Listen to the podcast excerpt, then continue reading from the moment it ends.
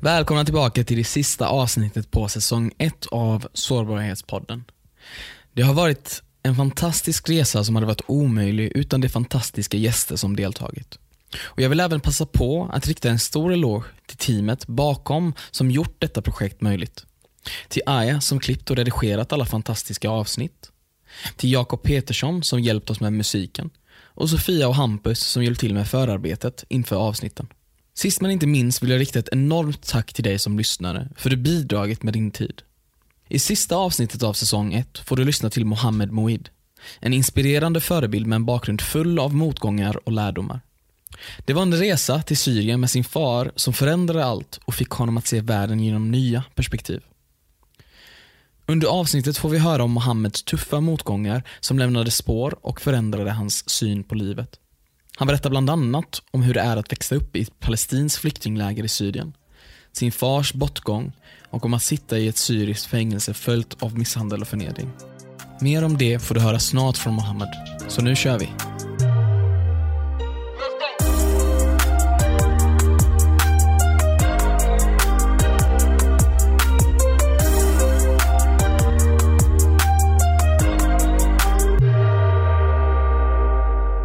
Men alltså du har ju haft sådana otroliga framgångar skulle jag vilja säga. Ja. Inte när det kommer till pengavärde, det är inte det jag fokuserar på. Nej, och det, är, ja, det, är precis, det är precis vad jag vill också Vi är inne på samma spår där. Ja. Vi snackar inte om pengar utan vi Mm. snackar om människors lika värde. Absolut. Eh. Människors utanförskap snackar vi Mm, om där. mm.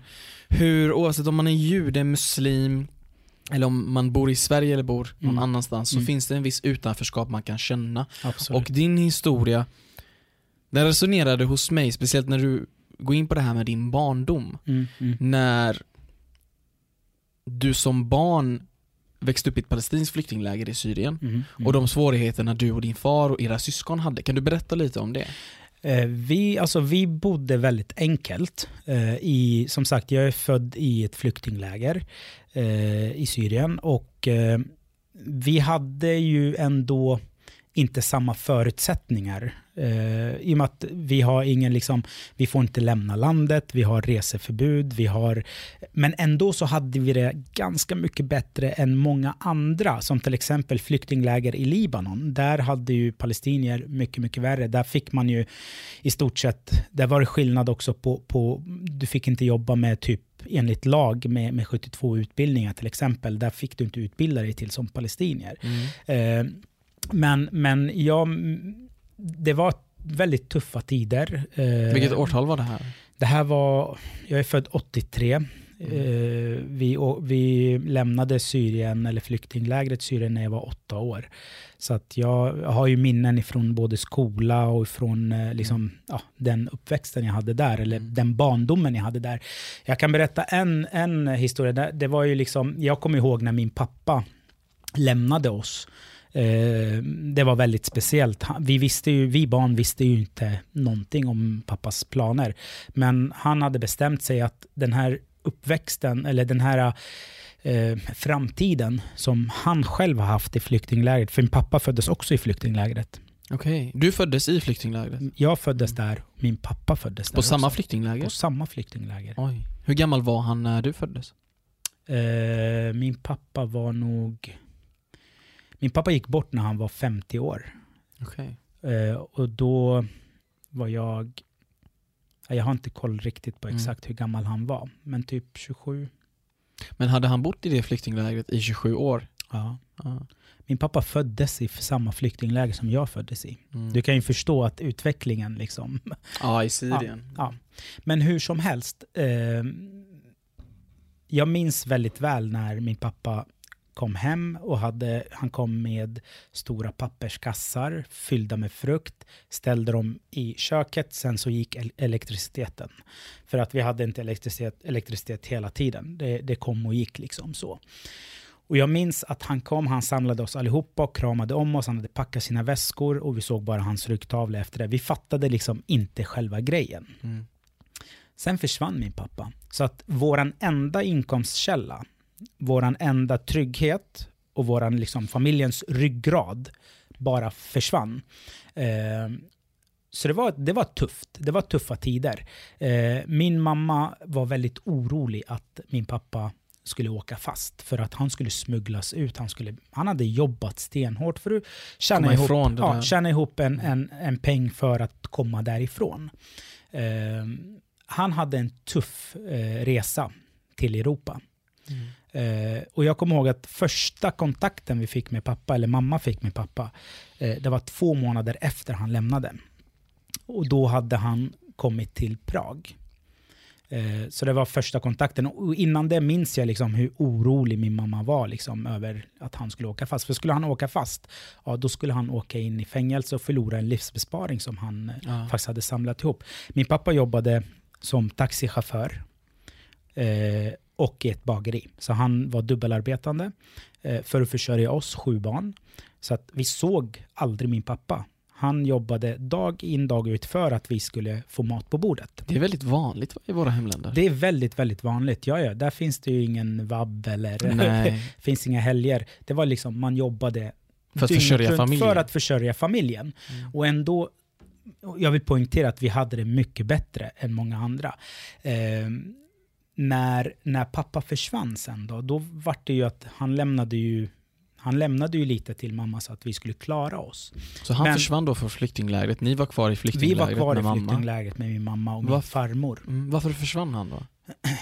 Han ville, alltså min pappa slet jättehårt för att vi ska få mat på bordet och han kände att han ville att vi skulle få en bättre, bättre förutsättningar för att vi ska få en bättre framtid. Mm. Han är själv född i det här flyktinglägret. Eh, och, och han har ju slitit hela sitt liv för att komma någonstans. Mm. Och, och det finns alltid barriärer, det finns alltid någon att muta, det finns alltid myndigheter som jagar dig hela tiden. Så han ville att vi skulle få det bättre. Mm. Så tanken var att vi skulle komma till ett land där vi får en bättre framtid och få utbildning.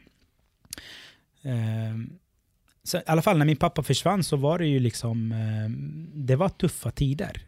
Jag kommer ihåg mycket väl när vi växte ifrån våra gamla trasiga leksaker så sydde min farmor ihop en boll till oss eh, av gamla trasiga strumpor. Och det var ju våran, det var ju det bästa vi visste. Vi sparkade boll, vi hade jätteroligt med det. Mm. Ehm, och, och jag, jag har en farbror som ehm, hade lämnat Syrien också och, och åkt till Abu Dhabi för att jobba. Eh, han skickade en gång till oss en riktig matchboll. Alltså det var, det, vi var så stolta. Det fanns ingen i flyktingläger som hade en riktig matchboll. Man hade plastbollar, Exakt. så. men en riktig matchboll. Och vi, vi skröt jättemycket och alla fick reda på, på det här. Det roliga var att det fanns ingen som kunde pump, pumpa upp den här bollen. det fanns ingen som kunde, för vi gick till en cykel eh, eh, som, som lagar cyklar. Han hade ingen nål till den där, han var rädd att förstöra den. Ja.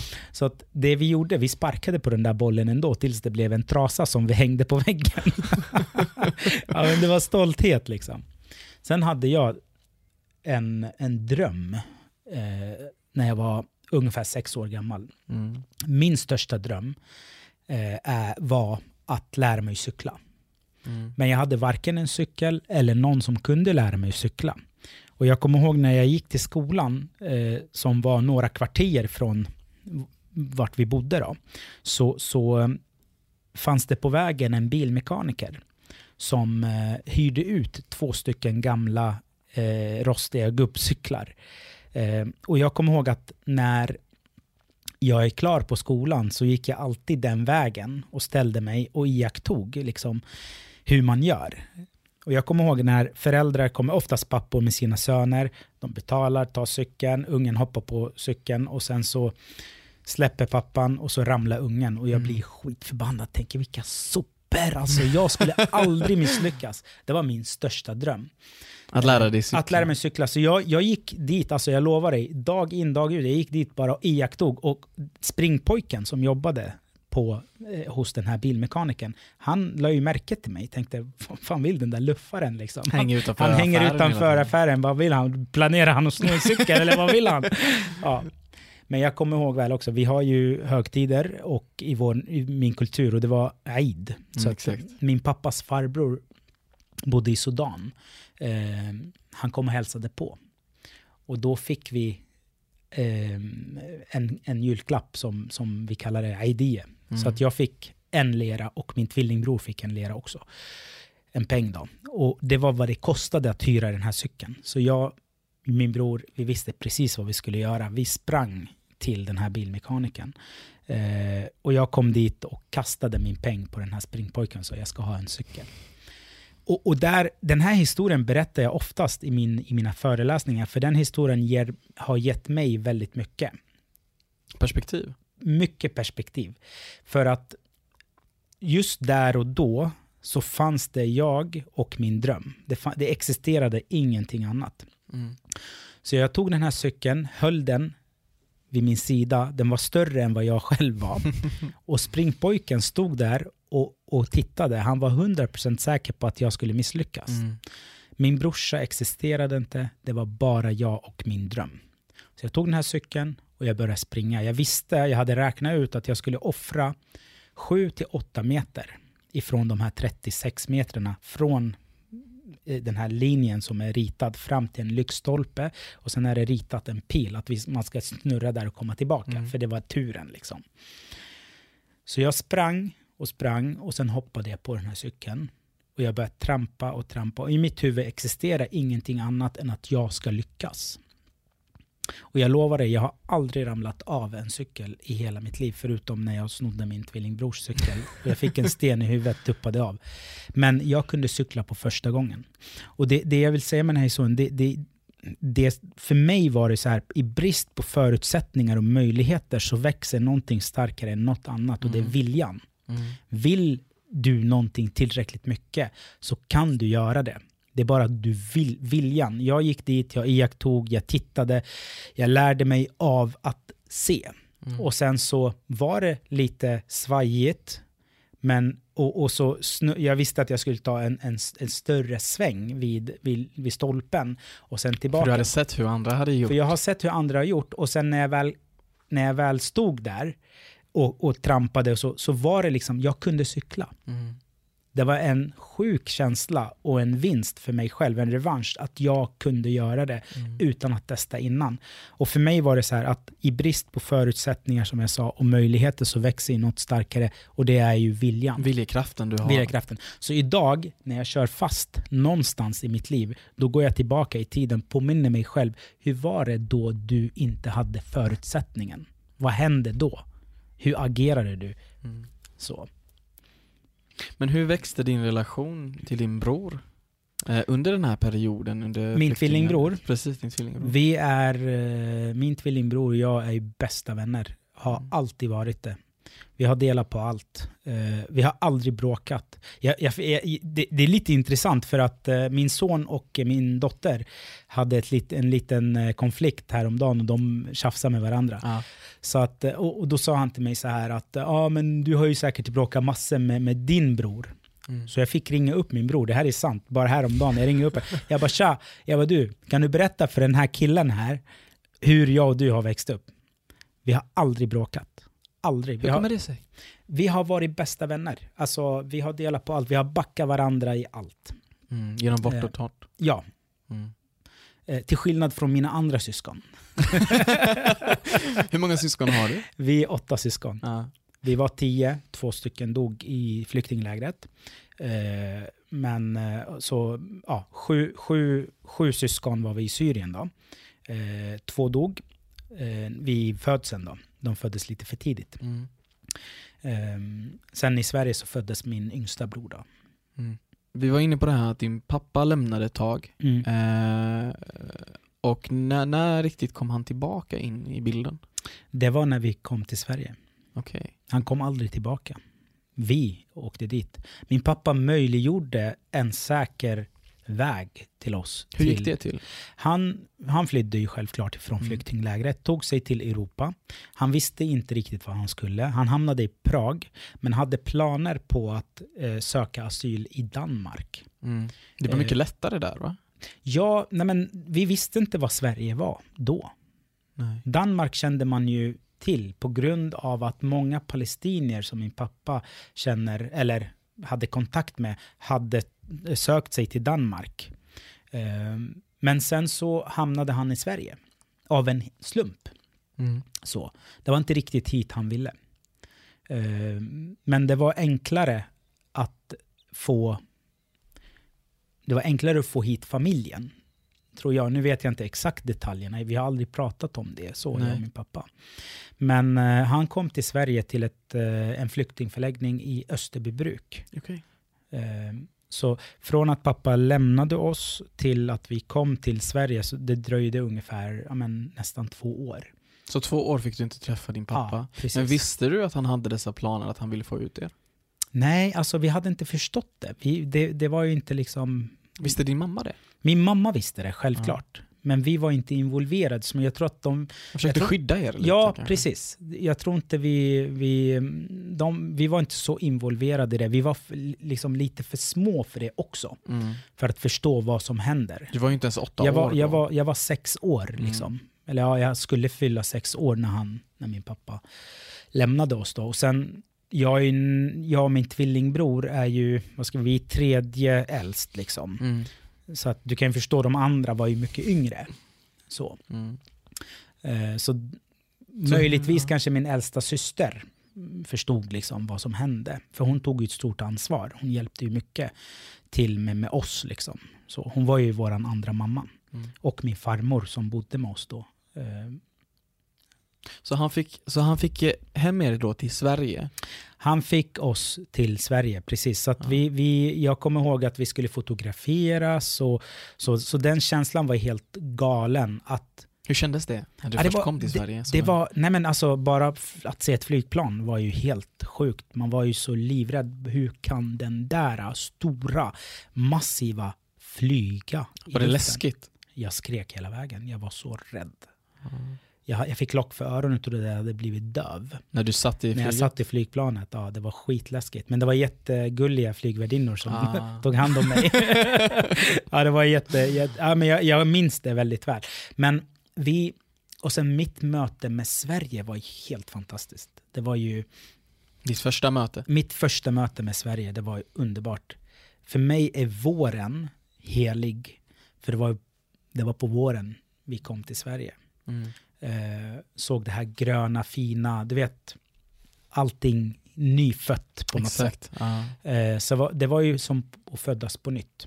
Mm. Eh, jag minns Du fick att din frihet? friheten, ja, men det fattade jag inte riktigt då.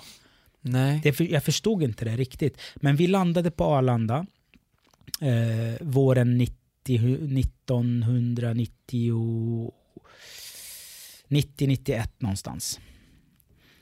Eh, och så kom polisen. Mm. Och jag blev så rädd, eller alla vi blev så rädda. För i flyktinglägret kom- kommer polisen, spring, för du kommer få så mycket stryk. Mm.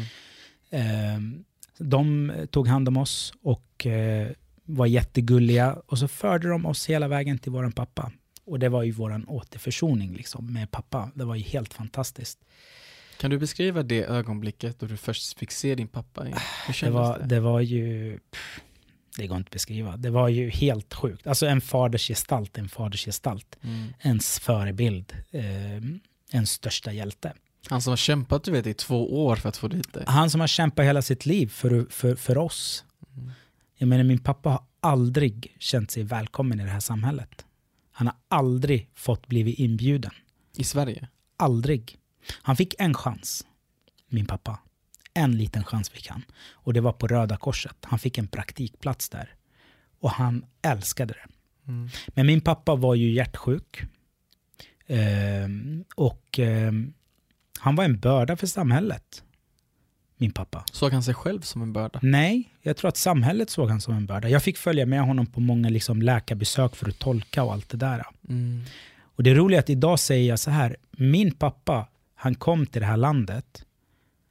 Han har inte kanske tillfört någonting.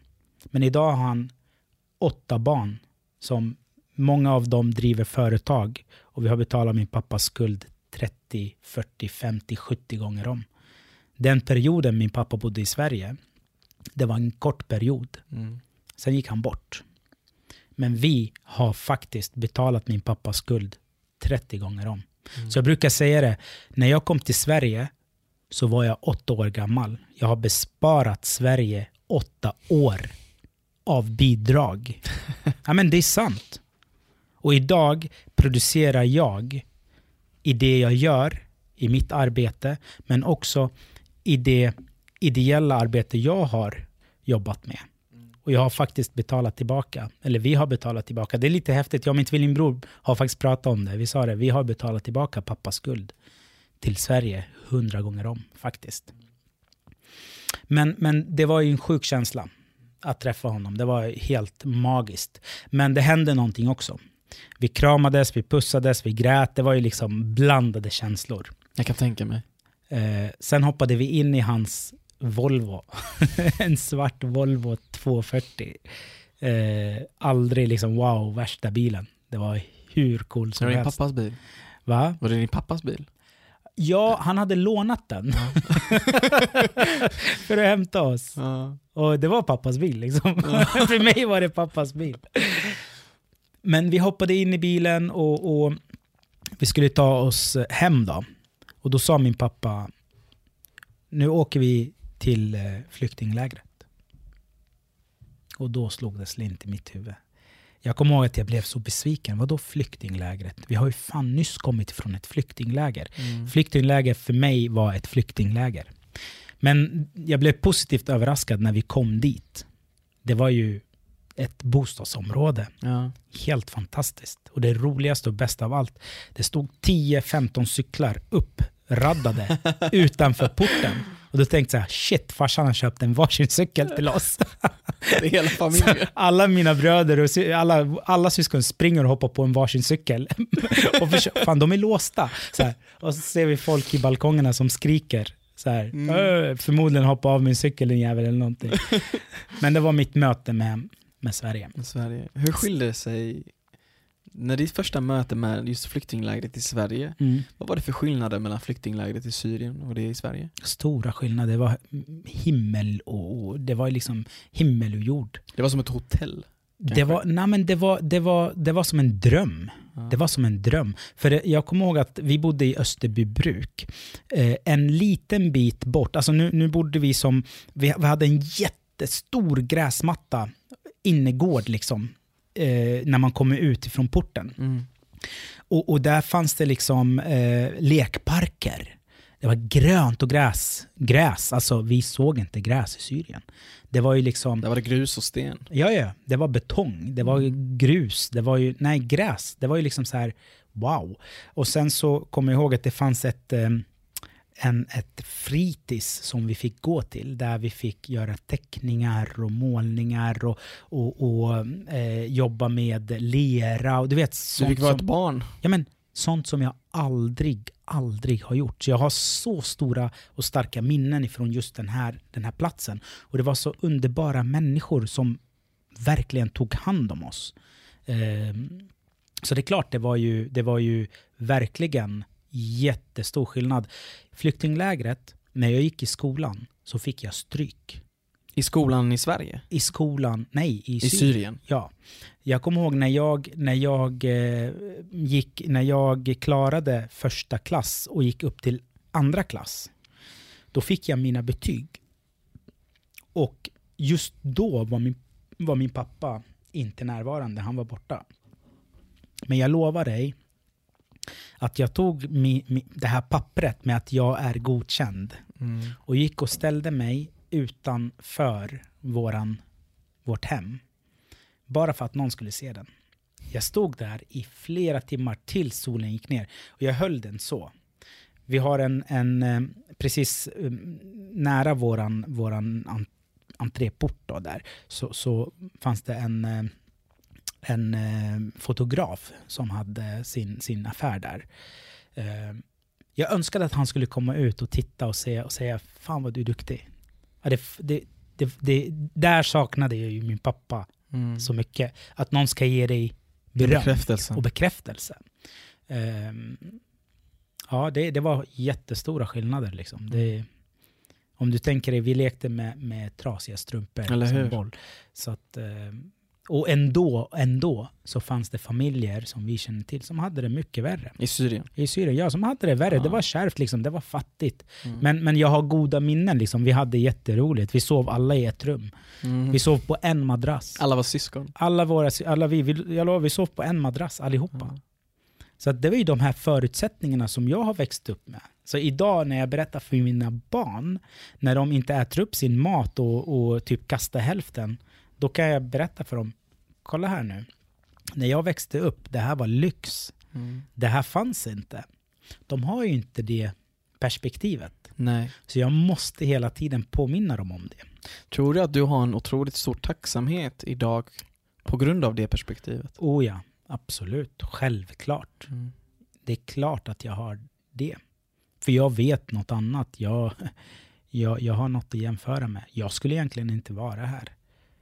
Vad hände om inte min pappa valde att lämna och offra allt? För det, det, det kunde ha gått väldigt snett för honom. Du kan aldrig ha fått höra Mm. från din pappa. Eller han hade kunnat försvunnit eller, eller Mm. vad som helst. Tänk om något gick fel på vägen liksom. Ja, precis. Det kunde mycket vara på spel.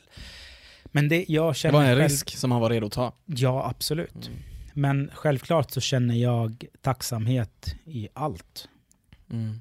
Och det är därför jag ser förutsättningarna ganska tydliga och jag tar för mig av dem. Mm. Du tar för dig av de möjligheterna liksom. Absolut. Och det är viktigt att använda de möjligheterna som man har. För Ja. vi lever i ett sånt fantastiskt land där Mm. det är gratis att gå i skola. Ja, Vi lever Precis. under förutsättningar där vi har Mm. tak över huvudet, vi har Ja. mat på bordet. precis. Så nu är ni alltså i Sverige, ni är i Mm. flyktinghemmet. Vad var din första leksak du hade i Sverige? Eh, det, oj. Eh, jag kommer ihåg, för det var ju... Jag hade ju önskat att jag hade fått en cykel, men det var, det var ju... Just det, för man, när man kommer till Ja, Sverige så får ja. man önska en leksak, eller hur? Ja, ja.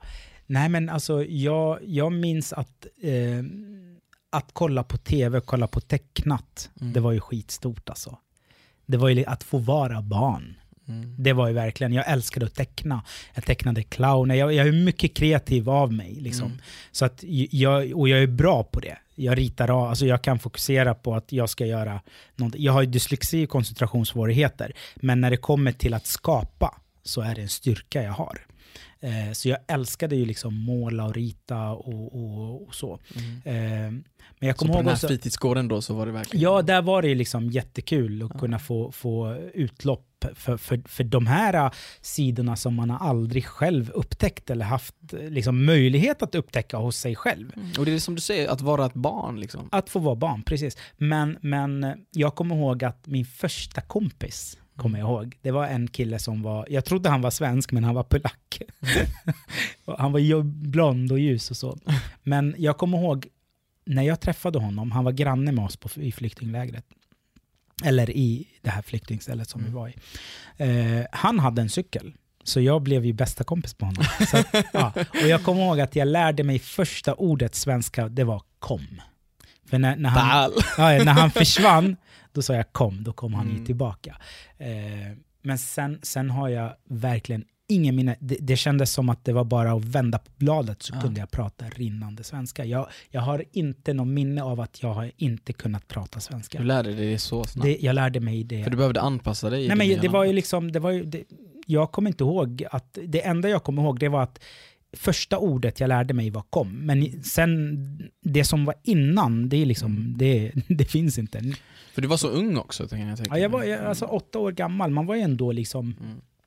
Man var medveten liksom. Precis. Så. Och du och din tvillingbror hade ju väldigt starkt band som du sa. Vi har väldigt starkt band. Och under den tiden som jag förstår, ni kanske hamnade lite fel längs vägen. Alltså så här, när vi flyttade från det här, eh, vi bodde ju ett tag på det här eh, flyktinglägret, sen flyttade vi till Nyköping direkt, hit. Mm. Och eh, vi, vi har haft en jättebra uppväxt på området vi, vi, vi, vi bor i nu också. För jag, vi alla nästan har flyttat tillbaka till samma område.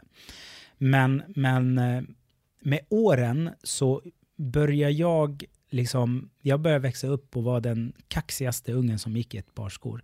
Jag hade väldigt kort stubin. Mm. Eh, Jag umgicks, jag hade väldigt dåliga förebilder. Jag såg upp till fel eh, människor.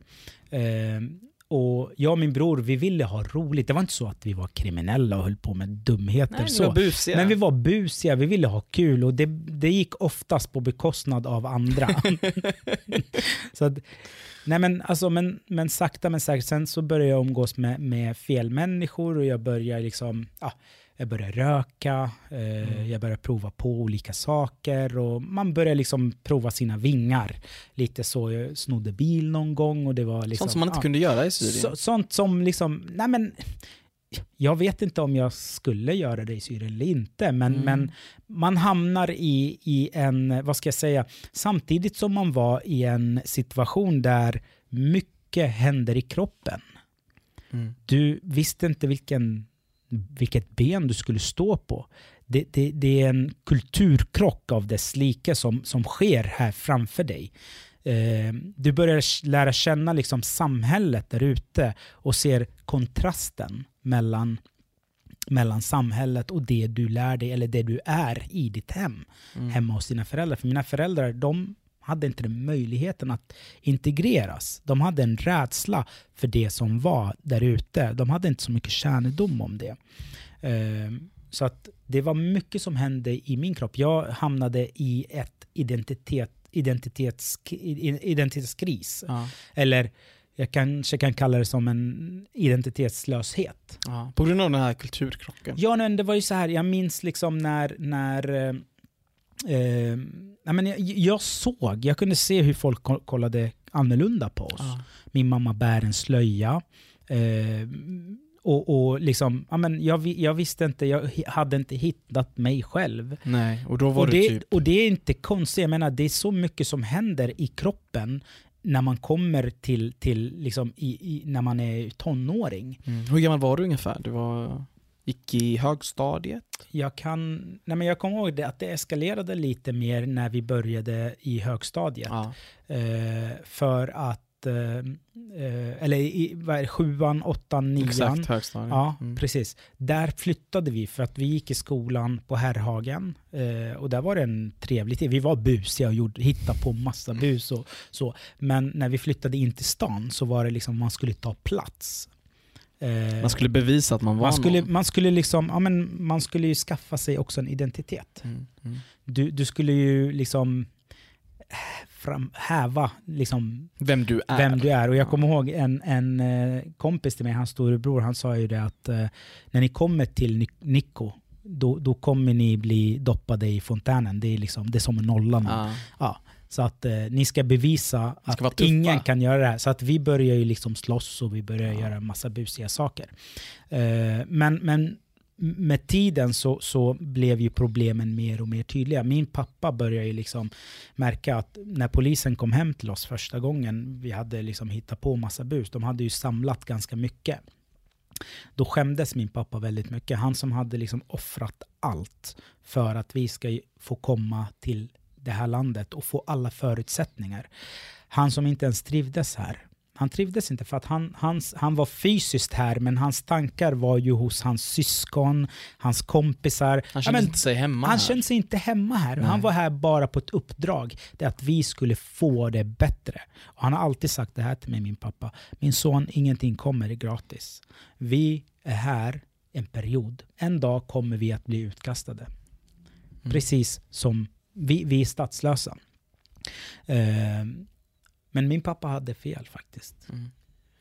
Mohammed, du nämnde det här med att din pappa, han kanske blev lite besviken du vet när ni hade busat och det gick lite för långt.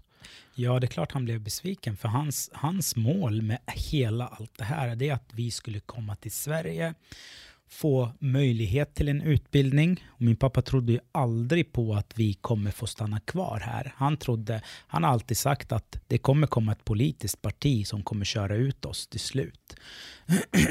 och då är det jättebra att vi passar på och tar vara på förutsättning och möjligheten till utbildning. Eh, för att det är det starkaste vapnet du kan någonsin ha i fickan. Om nu vi skulle bli utskickade och tillbaka, tillbaka skickade till flyktinglägret Syrien, de skulle slå honör för oss när vi kommer dit för att mina barn är utbildade läkare, advokater i Europa. Det var min pappas liksom Största dröm. Ja, ja, det var ju därför han hade tagit sig hit. Men, men att jag kommer hit och ska bli, i hans ögon, kriminell eller buse eller en sån som inte liksom tar vara på sina studier och så. Det var inte acceptabelt. Fast, för att, ja, du var inte kriminell, du var bara Nej. en liten buse, en bråkstake. Precis, men problemet var att jag, jag, har, jag har ju dyslexi. Mm. Och i skolan gick det inte så bra för mig. Och på den tiden var det inte så uppmärksammat. Man visste ingenting nästan om det. Så att vi var bara, att jag inte kunde koncentrera mig, så var det liksom, då var man bara en busunge. Och ibland när det väl kom till högläsning, då var jag tvungen att hitta på någonting för att bli utkastad. För jag, alltså, jag skulle aldrig, jag hade en sån stolthet, Mm. jag kan inte göra bort mig. Och du vet, jag skulle ta plats. Jag Eller var hur? den coola, den tuffa. Eh, som alla liksom ska vara rädda för, typ. Eh, Medan min bror, han var den charmiga, han var ju den liksom, du vet. När det var bråk, då var det jag som kom fram. Och han, han fixade tjejerna. Det var lite så. Nej men seriöst, det var ju liksom, vi var, det var inte meningen att vi skulle liksom hamna snett eller så, men Nej. vi hamnade på fel bana. Precis. Eh, Och pappa var då liksom besviken. han var väldigt besviken Hur för att, påverkade det er relation? väldigt illa alltså. Min pappa var ju, han skämdes över oss. Eh, Jag kommer ihåg liksom när, vad ska jag säga, min pappa, när vi kom, vi kom hem väldigt sent eh, på kvällarna, då var vi ute med våra vänner och så. Vi ville liksom göra någon slags uppror. Vi skulle ju liksom, ah, vi bor i Sverige nu, han ska inte hålla på och kontrollera oss och du vet hela det Farsan där. ska inte kontrollera er, ja. Det var ju våran, vi blev ju fiender. Mm. Jag kopierade ju hans bilnyckel, snodde hans bil flera Shit. gånger.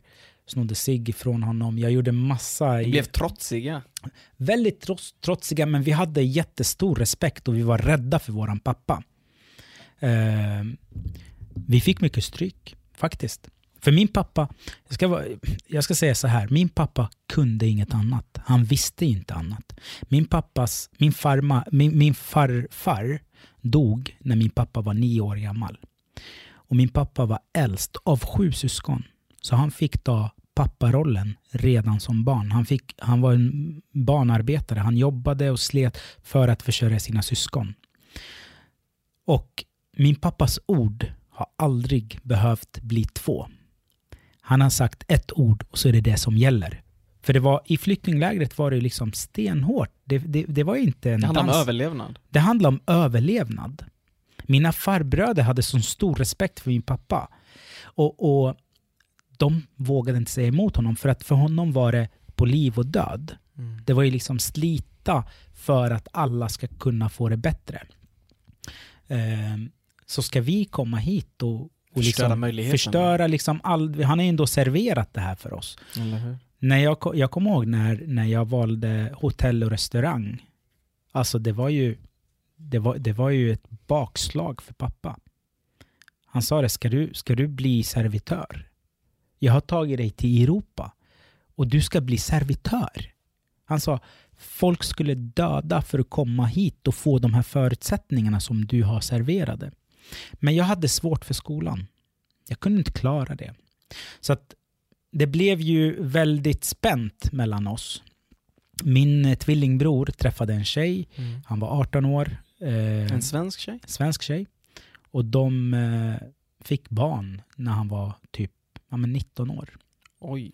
Så att eh, då, då gick jag och min bror skilda vägar på något sätt. För att nu hade min bror helt plötsligt En annan trygghet. en familj som han måste liksom ta hand om. Han kunde inte lalla längre med mig. Han skulle jobba, han skulle liksom sköta sitt. Han gick också hotell och restaurang. Det värsta är att båda vi gick hotell och restaurang. Ingen blev läkare. Nej, eh, och han jobbade på en restaurang och liksom så. Och jag, jag, valde att, eh, jag valde att sticka. När jag, var, när jag flyttade hemifrån då var jag 16 år första gången.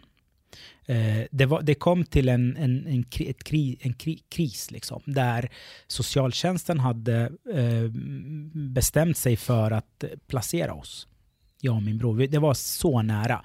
För det var ju så mycket saker de hade samlat, både från skolan och eh, andra saker, som eh, de hade raddat upp. Så att det var ett möte med polisen, socialtjänsten och mig, och min tvillingbror och min pappa. Och en tolk. Men en tolk via telefon. För min pappa skämdes så mycket att träffa en arabisktalande och behöva liksom veta om hans barn. Så det handlar om stolthet? Det handlar om stolthet, Mm. precis. Så eh, min pappa bad, bad och bönade att ge mig en sista chans. Ge mig en sista chans med de här killarna. Jag kommer lösa det liksom. Eh, och mm, konstigt nog så fick han det. Vi blev aldrig placerade på ett hem. Så. Eh, Men vad hände? Hur löste ni relationen mellan dig och det din far? löstes inte. Det löstes inte. Det var ju liksom, jag vet att min pappa var så besviken. Ehm, och han kom till, han kom, vi kom till en situation där, eh, jag kommer ihåg en gång vi, vi skulle gå på ett, eh, på ett disco. och, och ehm, vi har alltid gått och gjort vad vi vill göra. Men vi har gjort det i smyg. Liksom. Vi har smugglat oss ut och sen har vi smugglat oss in. För vi hade ju Ja. vi hade en lägenhet med två våningar så att vi kunde smyga in sakta men Utan att säkert visste. utan att någon visste det. Men nu hade vi bestämt oss, jag och min tvillingbror, vi ska inte smyga längre. Vad fan, vi, vi, nu har vi börjat komma upp i ålder. Nu måste ju den här gubben acceptera att vi har liksom... Och det var, Att det var lite män, intressant. liksom. Ja, ja, vi är män. Vi är män liksom. Och jag kommer ihåg att vi, vi kom den vanliga vägen. Öppnade dörren och gick in. Och så bara frågade farsan, vart var ni? Vi bara, vi var på, vi var på disco. Han bara, tjo. Va, va, varför sa ni inte till att eh, ni kommer så här sent? Jag har varit orolig liksom. Och då säger min tvillingbror så här rakt ut. Han bara, ja. Om vi hade sagt till dig så hade vi inte fått gå. Och så sa min pappa, vad då? Så ni gick över min vilja? Min bror bara, han kunde inte säga så mycket mer och sen vart det problem. Alltså. Det vart Ja. kaos. Men, men eh, min pappas mentalitet är ju av den gamla skolan. För honom var det liksom eh, på liv och död. Det här var en möjlighet att ta vara på. Varför kan jag inte förstå det? Nej, precis. Och i den åldern så är det svårt att ta in det tror jag. Mm. Och just i den här liksom vilsenheten som man var i faktiskt. För du kommer ju från en kultur i Syrien, mm. olika levnadsförhållanden, Mm, mm, där du växte upp i Mm. fram tills du blev åtta. mm. Sen kom du till Sverige då för första gången och Mm. fick uppleva en helt annan sorts frihet som du kanske inte riktigt förstod. Precis. Som du kanske inte riktigt tog vara på i Precis. stunden. Precis. För att du var fortfarande ung. Och för din pappa var det en helt annan insikt han hade, ett helt annat perspektiv. ja. Så hur utvecklades relationen för dig och din far och vad hände sen?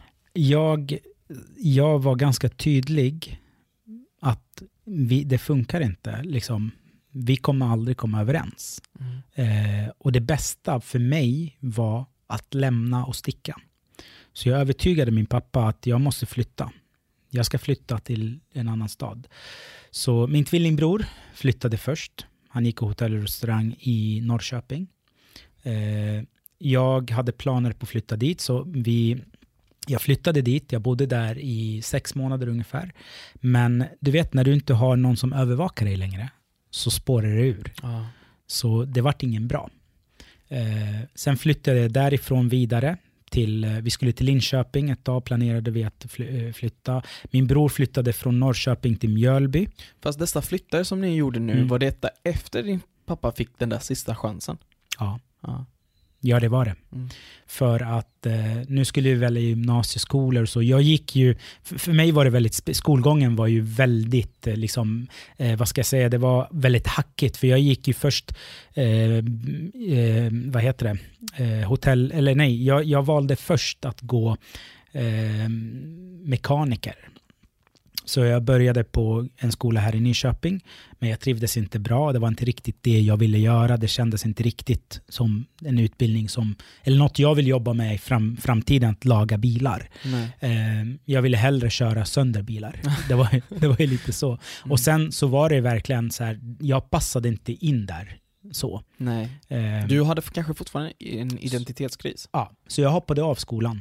Eh, jag hamnade i ett bråk med en kille. Eh, så jag blev utkastad och hoppade av. Så jag jobbade eh, en period för att liksom söka mig in till hotell och restaurangskolan. Jag kom in i Norrköping, flyttade dit, bodde där i sex månader. Det funkade inte bra. Eh, sen flyttade jag till Uppsala, till Gottsunda, bodde där. Mm. Eh, men någonstans i Uppsala så var det liksom... Det var mycket, mycket, liksom, mycket skit som hände. Liksom. Mm. Det var ju, där kunde jag komma i kontakt med, med många som faktiskt har valt en, en fel väg. Eh, så. Men någonstans i mitt bakhuvud så ville jag göra min pappa stolt. Eh, så där hade jag... Där började jag liksom tänka till. Eh, jag tog avstånd från allt. Jag, jag mådde själv jättedåligt. Eh, hade många så här panikångest på något sätt. Eh, Men vad, vad var din vändpunkt i livet där du insåg, nej jag, nu vill jag faktiskt göra pappa stolt. Nu vill inte jag vara trotsig längre. nej men det var ju det, det, var, det var den här känslan av skuld som, som jag hade när jag väl flyttade från Norrköping, för där var det inget, inte så bra. Eh, det var inte liksom, det var, det, det kändes inte som att jag hade en framtid i det här yrket och jag hade ingen mål i livet överhuvudtaget. Jag, jag gillade inte skolan, jag ville ta den enklaste vägen ut. Eh, Så därför blev det liksom, om en driva en restaurang, det kan vara roligt, där behöver jag inte hålla på och plugga till. Det är mycket praktiskt. Mm. Så, så jag gick den utbildningen, samtidigt som jag kände att det här är, liksom, det är ingenting för mig. Eh, Men jag gjorde det bara för att liksom gå ut skolan och jag vet att jag kommer fokusera på något annat så jag kommer lösa den här situationen. Precis. Men fyra år eh, var jag borta hemifrån och relationen mellan mig och min pappa var inte den bästa. Eh, vi kunde ringa och prata med varandra då och då, men jag kommer ihåg också att jag aldrig vänt mig till min pappa, varken jag eller min tvillingbror, när vi låg i krissituationer, till exempel när vi var liksom panka, vi hade inga pengar.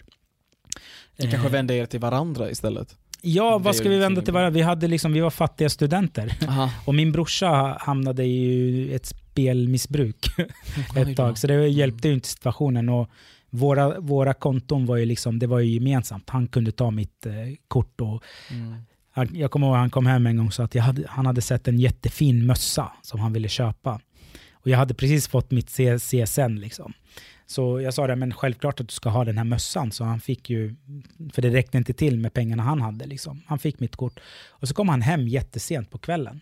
Då hade han varit och spelat bort alla pengar. Nej då. Så att, och det var precis i början av månaden. Så det var ju tuffa tider, men vi har aldrig vänt oss och sagt att vi behöver pengar eller så. Det fanns någon slags stolthet. Ja. För, för det var ju alltid det här, min pappa, vad var det jag sa? Det vill jag aldrig höra. Mm. Men vändpunkten blev, eller den, den återförsoningen som blev verkligen liksom vändpunkten, det var min pappa ville åka till Syrien. Han ville hem igen. Han ville, han ville att vi skulle, jag skulle följa med honom. Eh, men min tvillingbror följde inte med för att han hade ju sin familj att ta hand om. Och hur gamla var ni nu? Nu är jag 19 år. 19?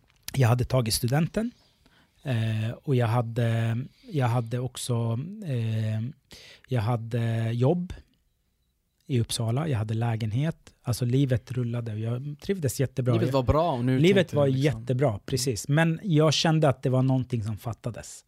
Eh, Det var kanske relationen med din far då? Ja, alltså det var inte, det, det var precis det, det var inte den bästa. Men min pappa ringde mig och han, eh, han sa att jag ska åka till Syrien och jag vill att du följer med. Jag ska bila. Okej.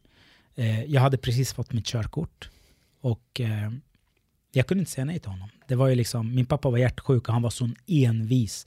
Han skulle bila med sin Volvo till Syrien. Det var bestämt. Eh, så jag, jag tackade ja självklart. Och det skulle vara en fantastisk resa genom Europa. Liksom. Och det var det bästa, den bästa resan vi har gjort tillsammans. Vi kunde prata om allt. Vi, vi skrattade, vi grät, vi skrek på varandra. Och, ja, men, kommer du ihåg när jag snodde din bil? Jag gjorde det för att det där... Ja, du vet. Och så Delade samtidigt, ja, ja, precis. Samtidigt som vi, liksom, vi kom varandra väldigt nära. Samtidigt som vi passerade fantastiskt fina länder och fick se och uppleva väldigt mycket tillsammans. Och när, jag väl kom, när vi väl kom till Turkiet och sen in till Syrien, då började ju min mardröm där. Där blev jag tillfångatagen. Eh, och Så ni kom väl in i Syrien? så fort vi kom in på gränsen mellan Turkiet och Syrien, då blev jag tillfångatagen av syrisk militärpolis. Och din pappa var med dig då? Min pappa var med mig. Och han såg dig bli tillfångatagen? Ja. Det var hemskt för honom. Han eh, fick en hjärtinfarkt På plats? på plats. Men det visste inte jag. Eh, han körde bil i sju timmar ifrån gränsen utan mig. Att bara att lämna, för han visste, nå- jag ville inte åka till Syrien. Jag gjorde det för hans skull. Jag gjorde det för att vi skulle återförsonas på ett bra sätt. Mm. Och han visste det innerst inne. Jag hade sagt till honom, jag vill helst inte åka dit. Men eh, han, var, han var så besviken på, att, eh, på sig själv och på att det här hände. Eh, så han körde sju timmar med smärtor i bröstet. Så att de hann precis i sista sekund. Han opererades i Syrien. Shit. Eh, Han han måste ha haft sån skuld. Jo, det var ju... Men jag blev tillfångatagen, eh, blev först placerad på det här på gränsen då. Eh, tills eh, ja, de bestämde hur de skulle göra med mig då. Så att jag blev förhörd i fyra timmar av en eh, någon överste som satt där med sin mustasch och sina stjärnor. Vad ställde han för frågor? Han ställde så sjuka frågor. Min arabiska var inte så där jättebra heller. Eh, eller den var... Jag förstod vad han sa, men jag kunde inte svara honom på ett korrekt sätt. Det kanske svårt att Så att jag var dig. Klumpig i mina svar. Jag kommer ihåg att han frågade mig, han bara... Om det här landet, Sverige, hur kommer man dit? Kan jag åka dit? Jag sa, ja det är klart att du skulle kunna göra det. Han bara, men vad, vad, vad, vad är det som är så bra med Sverige? Jag sa, Sverige är ju ett land som där alla har sina rättigheter. Eh, jag sa till, och så, det här var jätteklumpigt sagt av mig. Jag sa till han, till exempel, eh, i Sverige, eh, där, där har politiker, en politiker fått en tårta i ansiktet. För, han bara, va? Och då sa jag så här, men kungen, om han kör för fort så kan han bli stoppad och få böter. Han bara, va? Han förstod inte det? Nej, han kunde förstod inte. Det perspektivet. nej, nej, nej, han förstod inte det. Och sen ga- gav jag det sämsta exemplet man kan någonsin göra Till en överste. till den överste. Det var det här. Jag sa, vet du, i Sverige, du och dina stjärnor, ni är lika värda som den som hämtar soporna. Han bara, va? Han bara, vad är det för skitland? Han bara, de har ingen respekt. Jag sa, nej men alla, alla människor är lika värda. Det var det jag ville få Ah. fram. Men jag sa det lite klumpigt. Det blev helt fel. det blev fel. Så Men- hur reagerade han då? han vart ju arg och irriterad. Men eh, samtidigt som de, jag blev ju dömd på plats eh, för att jag hade förrått det landet som har gett mig tak över huvudet. Jag hade flytt och från militärtjänsten. Mm. Palestinier och syrier måste tjänstgöra, Just det. speciellt om du är född där. Eh, och de trodde inte på mitt pass. De trodde att det var förfalskat. Det svenska passet. mitt svenska pass. Och de vägrade kontakta eh, svenska myndigheter. De vägrade kontakta Damaskus för att kolla upp det. Eh, så jag fick ju gå den vägen. Liksom. Jag blev förflyttad från första, från gränsen direkt till en stad, ja men Idlib. Det, Mm, exakt. Ja, jag fick tillbringa en tid i fängelse i Idlib. Hur länge var det? Eh, i, två nätter var jag där I Idlib? i Idlib. Eh, därifrån blev jag eh, förflyttad till eh, Homs, en annan stad, eh, i ett fängelse som heter Bologna, eh, som är byggt av fransmännen. På den tiden fransmännen koloniserade Syrien. Och väldigt känt, det är ett av Syriens tredje värsta fängelsen. Eh, där är det väldigt känt av dess små celler. Eh, och eh, Det är trångt. menytavla av tortyr. Alltså, det var så orealistiskt. Alltså, det var ju helt bort från mina gränser, bort ifrån vad du kan liksom få in i huvudet. Helt plötsligt så var det någonstans där du du tror att du drömmer. Du kommer snart att Du vakna. Liksom. Du kommer snart att vakna ifrån den här mardrömmen. Det här är inte på riktigt. Så Mohammed, du hade precis då kommit fram till Homs fängelse. Och vad var det första du fick uppleva? det var att vi samlades alla nya som, som eh, kom till det fängelset. Det var, och jag överdriver inte om jag säger att vi var över 80 personer. Eh, och då skulle vi sätta oss i en speciell ställning. Klockan var ungefär mitt på dagen. Det var ju stekhett. Eh, och då samlades vi på en stor gård där de ropade upp alla namnen för att eh, fördela oss på de olika cellerna de, som finns. Eh, och det var lite roligt. Det var, i, i, I den fängelset som jag var i, Idleb, där visste ingen vad Sverige var för någonting. Alltså de fråga, folk frågar var kommer du ifrån? Eh, då säger jag, jag kommer från Sverige. De fattar inte vart det ligger. Liksom. Här kunde de se att jag, att jag var inte härifrån, för det syntes på mig genom mina kalsonger. Eh, jag hade Björn Borg-kalsonger på mig. Och då, tror de att, då, då frågade han mig eh, när det var väl mitt namn, för det tog en stund innan jag kom upp. Då. Mm. Eh, och då kom jag fram, man skulle komma fram och slå honnör och sen så skulle man få bli fördelad till en cell. Och då kollade han på mig och sa, har du på dig badbyxor? Jag sa, nej det är kalsonger. Han sa, du är inte härifrån va? Jag bara, nej. Och då frågade han, var kommer du ifrån? Jag var från Sverige. Och då frågade han, vad har du gjort för någonting? Jag har inte gjort någonting. Han bara, så vi ljuger? Vad menar du? Han sa, du tror att vi ljuger, vi har plockat dig. Så vi gör fel. Är det det du vill säga till oss? Jag bara, nej. Vad har du gjort då? Jag sa, jag, jag, jag har inte gjort tjänst, militärtjänstgöring. Han bara, skäms du inte? Att du inte skäms. Och jag hade lite tur för att de små cellerna hade blivit fulla. Så att jag, fick, jag blev utdelad den största cellen som fanns på den, på, på, i fängelset. Du fick lyxsviten? Jag fick lyxsviten, men vi var runt, runt 70 personer i mm. cellen. Och jag I lovar, samma cell? I samma cell. I, var ni 70 personer i samma cell? 70 personer i samma cell. Och hur stor var den här cellen? Ungefär. Den kan ha varit runt 40 kvadratmeter. Mm.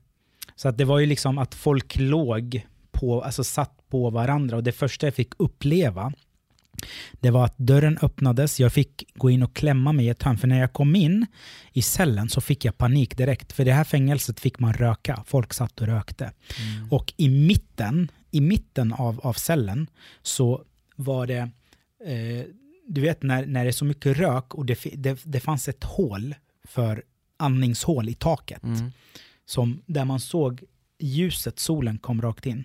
Och där låg det en kille och försökte få hålet i munnen. Alltså, han hade astma, så han mm. kunde inte andas. Och jag fick panik, jag tänkte den här killen kommer dö.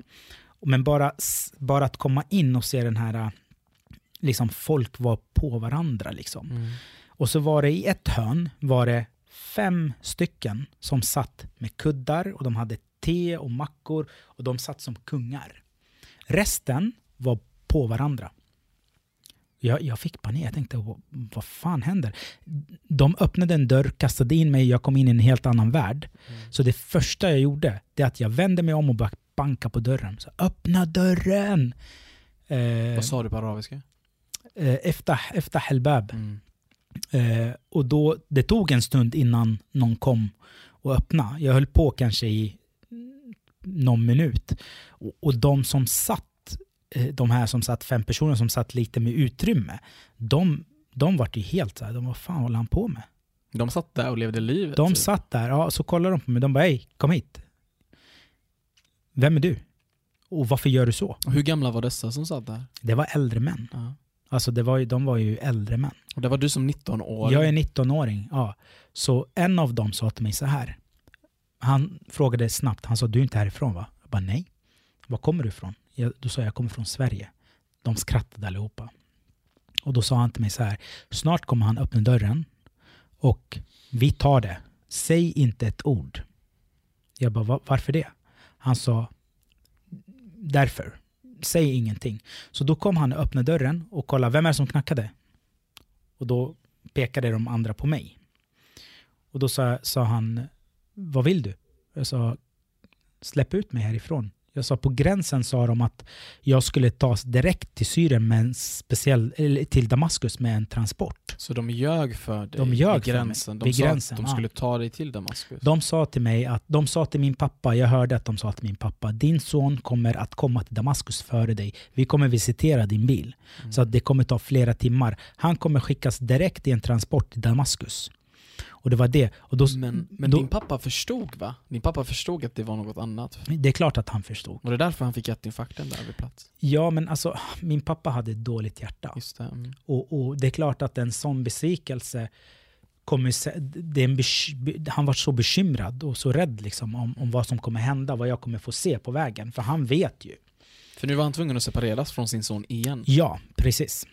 Men hur som helst så, så sa jag så här, jag betalar, men hämta en transport så betalar jag er så att ni tar mig direkt till Damaskus. Och där, där vet de ju liksom vem jag är.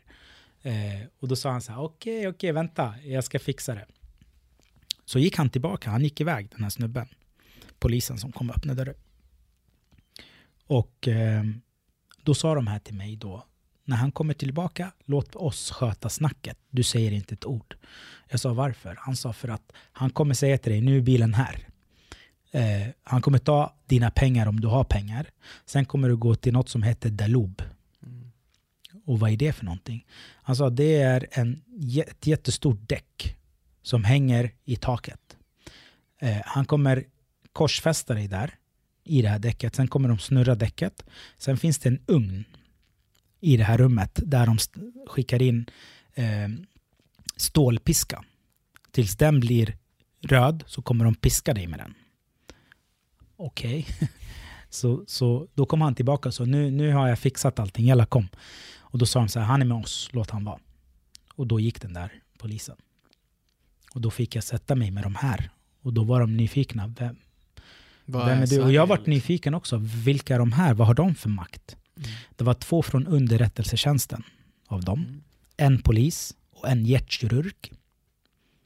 Som satt där. Men varför satt de inne? Jag vet inte. Jag vet inte. Men jag blev beskyddad av de här. Mm. Den enda som liksom jag förstod, det var hjärtkirurgen. Han var också palestinier. Han hade flytt till Saudiarabien. Utbildat sig där och allting. Och han jobbade som, som kirurg. Hans mamma brukade komma till honom för att besöka honom. Nu är det så att hans mamma låg på döds, dödsbädden så han var tvungen att komma till Syrien för hon kunde längre inte komma till honom. Mm. Och av hans panik och allting så glömde han allt med det här med militärtjänsten. Så han blev plockad precis som jag. Så att det var ju liksom, att höra hans story blev ju liksom också... Ja, Du kände det, igen det, det någonstans. underlättade liksom för mig på något sätt. Mm. Men hur länge var du i hans fängelse? Eh, där tillbringade jag två eller tre nätter. Eh, sen blev jag vidare befordrad. Du blev aldrig piskad där på plats? Inte där. Nej. inte där. Eh, sen blev jag förflyttad till ett annat fängelse och sen vidare till Damaskus till ett eh, fängelse som heter Qabun. Mm. Och där, där fick jag ordentligt med. För jag trodde så här, jag trodde Damaskus har säkert min pappa kanske kontakter. Så jag kommer inte, jag, så fort jag kommer dit så kommer jag bli frisläppt. Där skulle du få din frihet. Precis. Men det var motsatsen. Eh, där blev jag misshandlad av en hel armé. Shit. Ja, jag vaknade upp i en i, ja, underjordiskt fängelse där eh, de, eh, de frågade mig var, var kommer du ifrån och vad har du på dig? Där skulle man klä av sig helt naken för man skulle visiteras. För i det här fängelset fick man inte röka, man fick inte smuggla in cigaretter med sig eller någonting. Eh, eller vapen, rakblad, you name it. Så då ska man förnedras också. Mm. Så då, där fick vi ju, ja, det var, det var inte trevligt kan jag säga. Det var verkligen inte trevligt. Vad kommer du ihåg från första gångerna du blev slagen? Vad, vad kände du? Jag, det, det, det var ju så här, man, det var samma sak eh, där. Varje fängelse du kom till, man skulle samlas på en plats och sen skulle namnen ropas upp. Just här, då, fick, då, var man, då var det så många fångar från olika delar av landet som har kommit till det här fängelset. Och jag kommer ihåg att jag varit helt snurrig av sol, eh, värmen. Liksom. För jag hade suttit i samma ställning, man skulle böja sig på knä, med, eh, liksom, man skulle, man, ingen skulle få röra sig. Och att sitta så, så känner du mjölksyra, du, du får ont i kroppen. Och sen så blir du stekt i huvudet. Sen när Mm. mitt namn ropades upp, jag var bland de sista. Nej, då skulle man gå upp för en trappa ganska snabbt och så skulle man göra en honnör och så skulle man säga sitt personnummer som är ett militärnummer på 17 siffror. Jag, jag vet, det är långt. Ja. Och jag kan inte här, den här siffran. Så jag gick ju upp där och sa, ja, jag heter så och du ska berätta vad du har gjort. Jag sa, jag har inte gjort någonting. Eh, Du gjorde inte militärtjänst? Nej, nej. Mm. De, man skulle springa upp för den här trappen, göra en honnör, säga sitt personnummer eller sitt militärnummer och sen skulle man säga sitt brott. Exakt. Mm. För sen skulle de, ja, de skulle dela upp oss då på olika celler. Och, och jag sprang ju upp där, lite halvkaxig. Mm. Jag sa, jag har inte gjort någonting. Jag, har ing, jag kan inte något, någon siffra, jag har ett svenskt pass. Sa jag. Och då kollade han på mig så här, han bara, vad sa du? Jag bara, jag bara vad sa du? Han bara, oj, du, du svarade mig. Så jag kände bara att någon tog, för jag hade ett linne på mig. Jag kände bara att någon, för han stod, den här militären, Precis han, mitt emot dig. han stod mitt emot mig och bakom honom fanns en, en, en dörr, en öppning. Liksom. Mm. Och på varsin sida av honom så stod det två soldater. En soldat här och en soldat här. Så det jag, det, jag hann inte säga något. Alltså, han tyckte att min attityd var ingen, ingen bra. Och att jag hade inte respekt. För jag gjorde inte honnören, jag sa inte mitt nummer och jag sa att jag inte gjort någonting. Jag var helt less på hela Ah, ja. situationen. Och så sa han så här, ah, ja, alltså, nej, jag, jag visste inte hur jag skulle hantera den här situationen. Jag var ju så rädd också. Ja. Så jag kände bara att någon tog mig i skinnet. Jag fick en, liksom en riktig örfil av honom. Och någon som drog mig bara i mitt skinn, bara nöp mig här och bara tjup. Bakom honom så fanns det en ingång. Och det var som en, direkt så svänger den till vänster. Så var det som en korridor som gick neråt och sen ner så. Och det stod soldater på båda sidorna. Och om du får en smäll av en överste, det betyder att alla kommer slå dig hela vägen ner. Och där fick jag liksom, jag kommer ihåg att jag tuppade av i svängen hela vägen. Mm. För det var någon som slog, det var någon som armbågade, det var någon som boxade, någon som örfilade och sen fick jag ju smällar med eh, deras vapen. De hade ju liksom gevär och så på sig. Eh, så jag, jag tuppade ju av och sen så kommer jag inte ihåg någonting. Jag vaknade upp i en, i en eh, underjordisk källarfängelse typ. Där man skulle visiteras och därifrån så skulle man vidare till olika celler. Så ni flyttade celler under tiden då? Nej, alltså själva, själva eh, fördelningen Mm. var ju i en underjordisk, vad ska jag säga, Som ett- källare. Ja. Eh, mörkt, inga fönster. Eh, det var ju lampor som var tända mot dig. Eh, jag hade Palestinakartan på mig, kommer jag ihåg. Och den var böjd. Så då fick jag en fråga, vad, vad är det här för någonting? Jag sa, det, det är Palestina. Han sa, så du är palestinier? Ja. Och då började han svära åt mig, och mitt land, och min mamma, och min gud och allt. Hur kändes det? Det var för, förnedrande. Alltså, han, var, han, var, han var så här, så här smal. Alltså om jag, om, jag, om jag skulle blåsa på den här killen, han skulle flyga iväg. Det var det som var så irriterande. De har sån makt över dig. Och Men du hade bara riskerat svälja. ditt liv om du hade gjort något? Oh, ja, ja, oh, ja. Mm. Jag har lärt mig på vägen att du ska bara svälja och hålla tyst. Liksom. Eh, men sen så fick vi klä av oss eh, och det var ju den här förnedringen att man skulle böja sig ner. Vi, vi stod liksom i köer. Så den som stod mitt emot dig skulle böja sig. Du skulle böja dig så din näsa kommer emellan dens. Ja. Ja. Ja, Så att- jag förstår. Ja, Ja. ja. Det var liksom förnedring på Ja. hög nivå. Det var så här, vart har du ont? Jag har ont där. Bam, de slår i där. Eh, och sen så fördelas man i olika, olika celler. Och jag kommer ihåg att eh, jag tilldelas en cell där det var fullt. Eh, så att under natten, vi hade ett system där tio stycken stod, säg att rummet var ungefär, det var, det var ju ganska smalt, långt Typ som det här rummet nästan. Smalt avlångt, ungefär lite smalare än det här. Mm. Om du lägger dig med huvudet mot väggen så kommer du nå fötterna på andra väggen. Ja. Ungefär så. Så att när vi skulle sova så var det att i hörnet där borta, där stod det 10-15 pers. Mm. Och på golvet så raddades vi huvudet där och fötter dit. Mm. Och så tvärtom. Så kors. Kors, Kors. precis. Så att den som låg med huvudet ditåt hade, sov på mina fötter och jag sov på dens fötter. Mm. Och så vidare hela vägen. Och så stod det 15 stycken i, inträngda i ett hörn. Som inte kunde lägga sig. Som Så. inte kunde lägga sig. Men det var ett system. Så att den som kom, de här, en av dem gick runt och, ställ, och la sig där. Och den som var längst bort där fick ställa sig upp Hur ofta bytte ni? varje halvtimme. Och vi som låg så, vi fick bara vända oss. Så. Just det, vända i bara rulla Så, över. så att du rullade, rullade, rullade tills du kom till väggen, då fick du ställa dig upp. Och så vidare. Så det var ett Så system. var det varje natt? Hur länge var det så här? Alltså de har ju så, det är hela tiden. Det, det var ju överfullt i, i fängelserna. Och, och du fick se människor, du fick höra deras historier. Ehm, jag kan säga, det, det, det, här, det här är typ, det här är det absolut, absolut värsta som jag har varit med om. Faktiskt. För jag såg någonting som var helt annat än den värld som jag levde i här.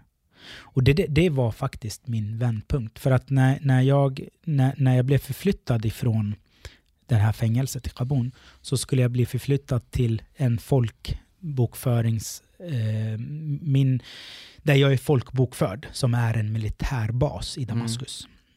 Så det var två soldater som kom och hämtade mig och förde mig dit. Och jag kommer ihåg jag skulle upp på sjunde våningen. För det var där jag skulle få bli utdelad till det militära. Mm. Och jag hade varit i Damaskus ett tag nu och min pappa, mina släktingar, ingen visste, ingen hörde av sig, ingen visste något om Hur, mig. hur länge var du där i det fängelset nu? När du väl Alltså var i Damaskus? hela, hela mitt, mitt fängelse, mi, mi, Mm. vistelse, hela den var ungefär två veckor. Men det kändes Som en evighet? som en evighet. Eh, när jag väl kom upp till sjunde våningen så skulle jag bli placerad i ett litet rum. I det här lilla rummet skulle jag vänta på två stycken som skulle komma och föra in mig i det militära. Så att jag fick sitta där med handbojor och kedjor runt mina ben. Och sen var det som en liten, liten, liten toalett. Så planen var nu alltså att du skulle göra militärtjänst? Ja, Ja. det var jag jag visste. Jag satt där, jag tappade liksom tid och rum och, och liksom perspektiv om hur lång tid jag satt i det här rummet. Men jag satt där och nu är det den första gången jag är helt ensam i det, hela det här. För hela tiden har jag oroat mig över men, vad som händer runt omkring mig. Det jag ser. Det Vad jag, någon skulle kunna göra mot... Ja, och, och vad folk gjorde mot varandra. Mm. Vad var det värsta någon gjorde mot någon annan? Det värsta var, det var i ett fängelse där eh, helt plötsligt så öppnades dörren och då kom in en sjukt liksom arg människa med massa ärr på hela sin kropp. Och han gick fram och det var några som hade precis kommit till det här fängelset och då var det, han frågade liksom, vad, vad heter du? Frågade han en av dem. Och den killen var så rädd så han fnissade. Och då började han slå honom.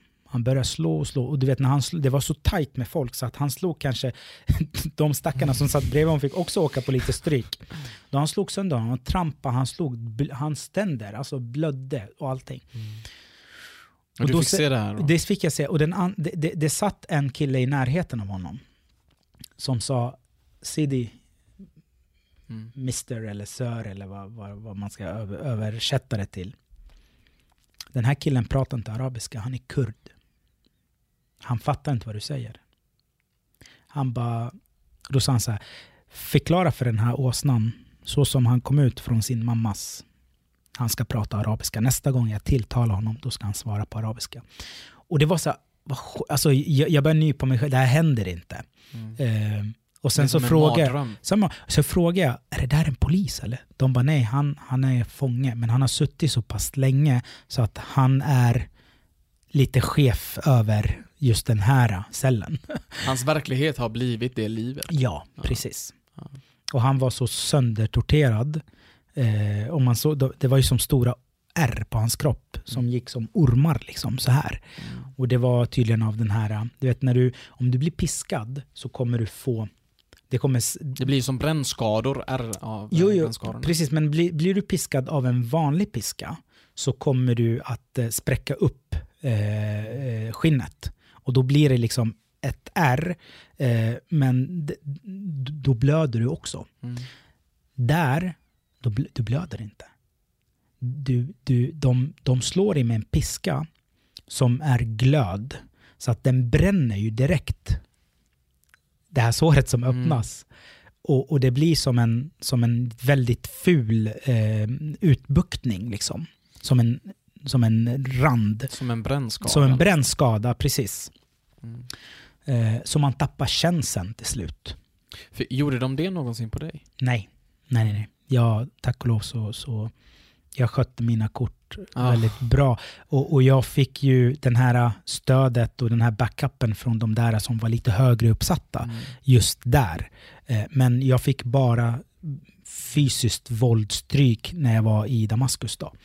I Men då hamnade du i det här rummet då du fick vara ensam för första gången. Mm. Och du var redo för att då hamna i det militära? Jag hade accepterat liksom eh, min situation. Det fanns ingen utväg. Det hade, det hade gått för lång tid för att någon ska agera. De hade brutit något. sönder dig där? Ja, Psykiskt? ja psy- psykiskt var jag helt mm, totalt eh, krossad. Liksom. Men någonstans så har jag en styrka inom mig där jag känner, där jag, där jag kommer in och säger, tänker så här, okej, det här händer nu, jag ska överleva det, punkt. Mm. Jag ska in i militärtjänsten, jag kommer göra det, men när jag kommer tillbaka till Sverige, oj oj oj.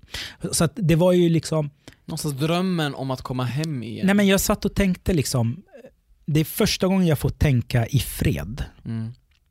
Första gången mina tankar forsar utan att tänka. Och det var första jag tänkte på var faktiskt Sverige. Jag tänkte på alla mina lärare, jag tänkte på alla mina vänner, jag tänkte på alla mina misstag. Ångrade du något? Det är klart att jag ångrar. Jag tänkte så här, gud, är det det här min pappa har tagit mig ifrån?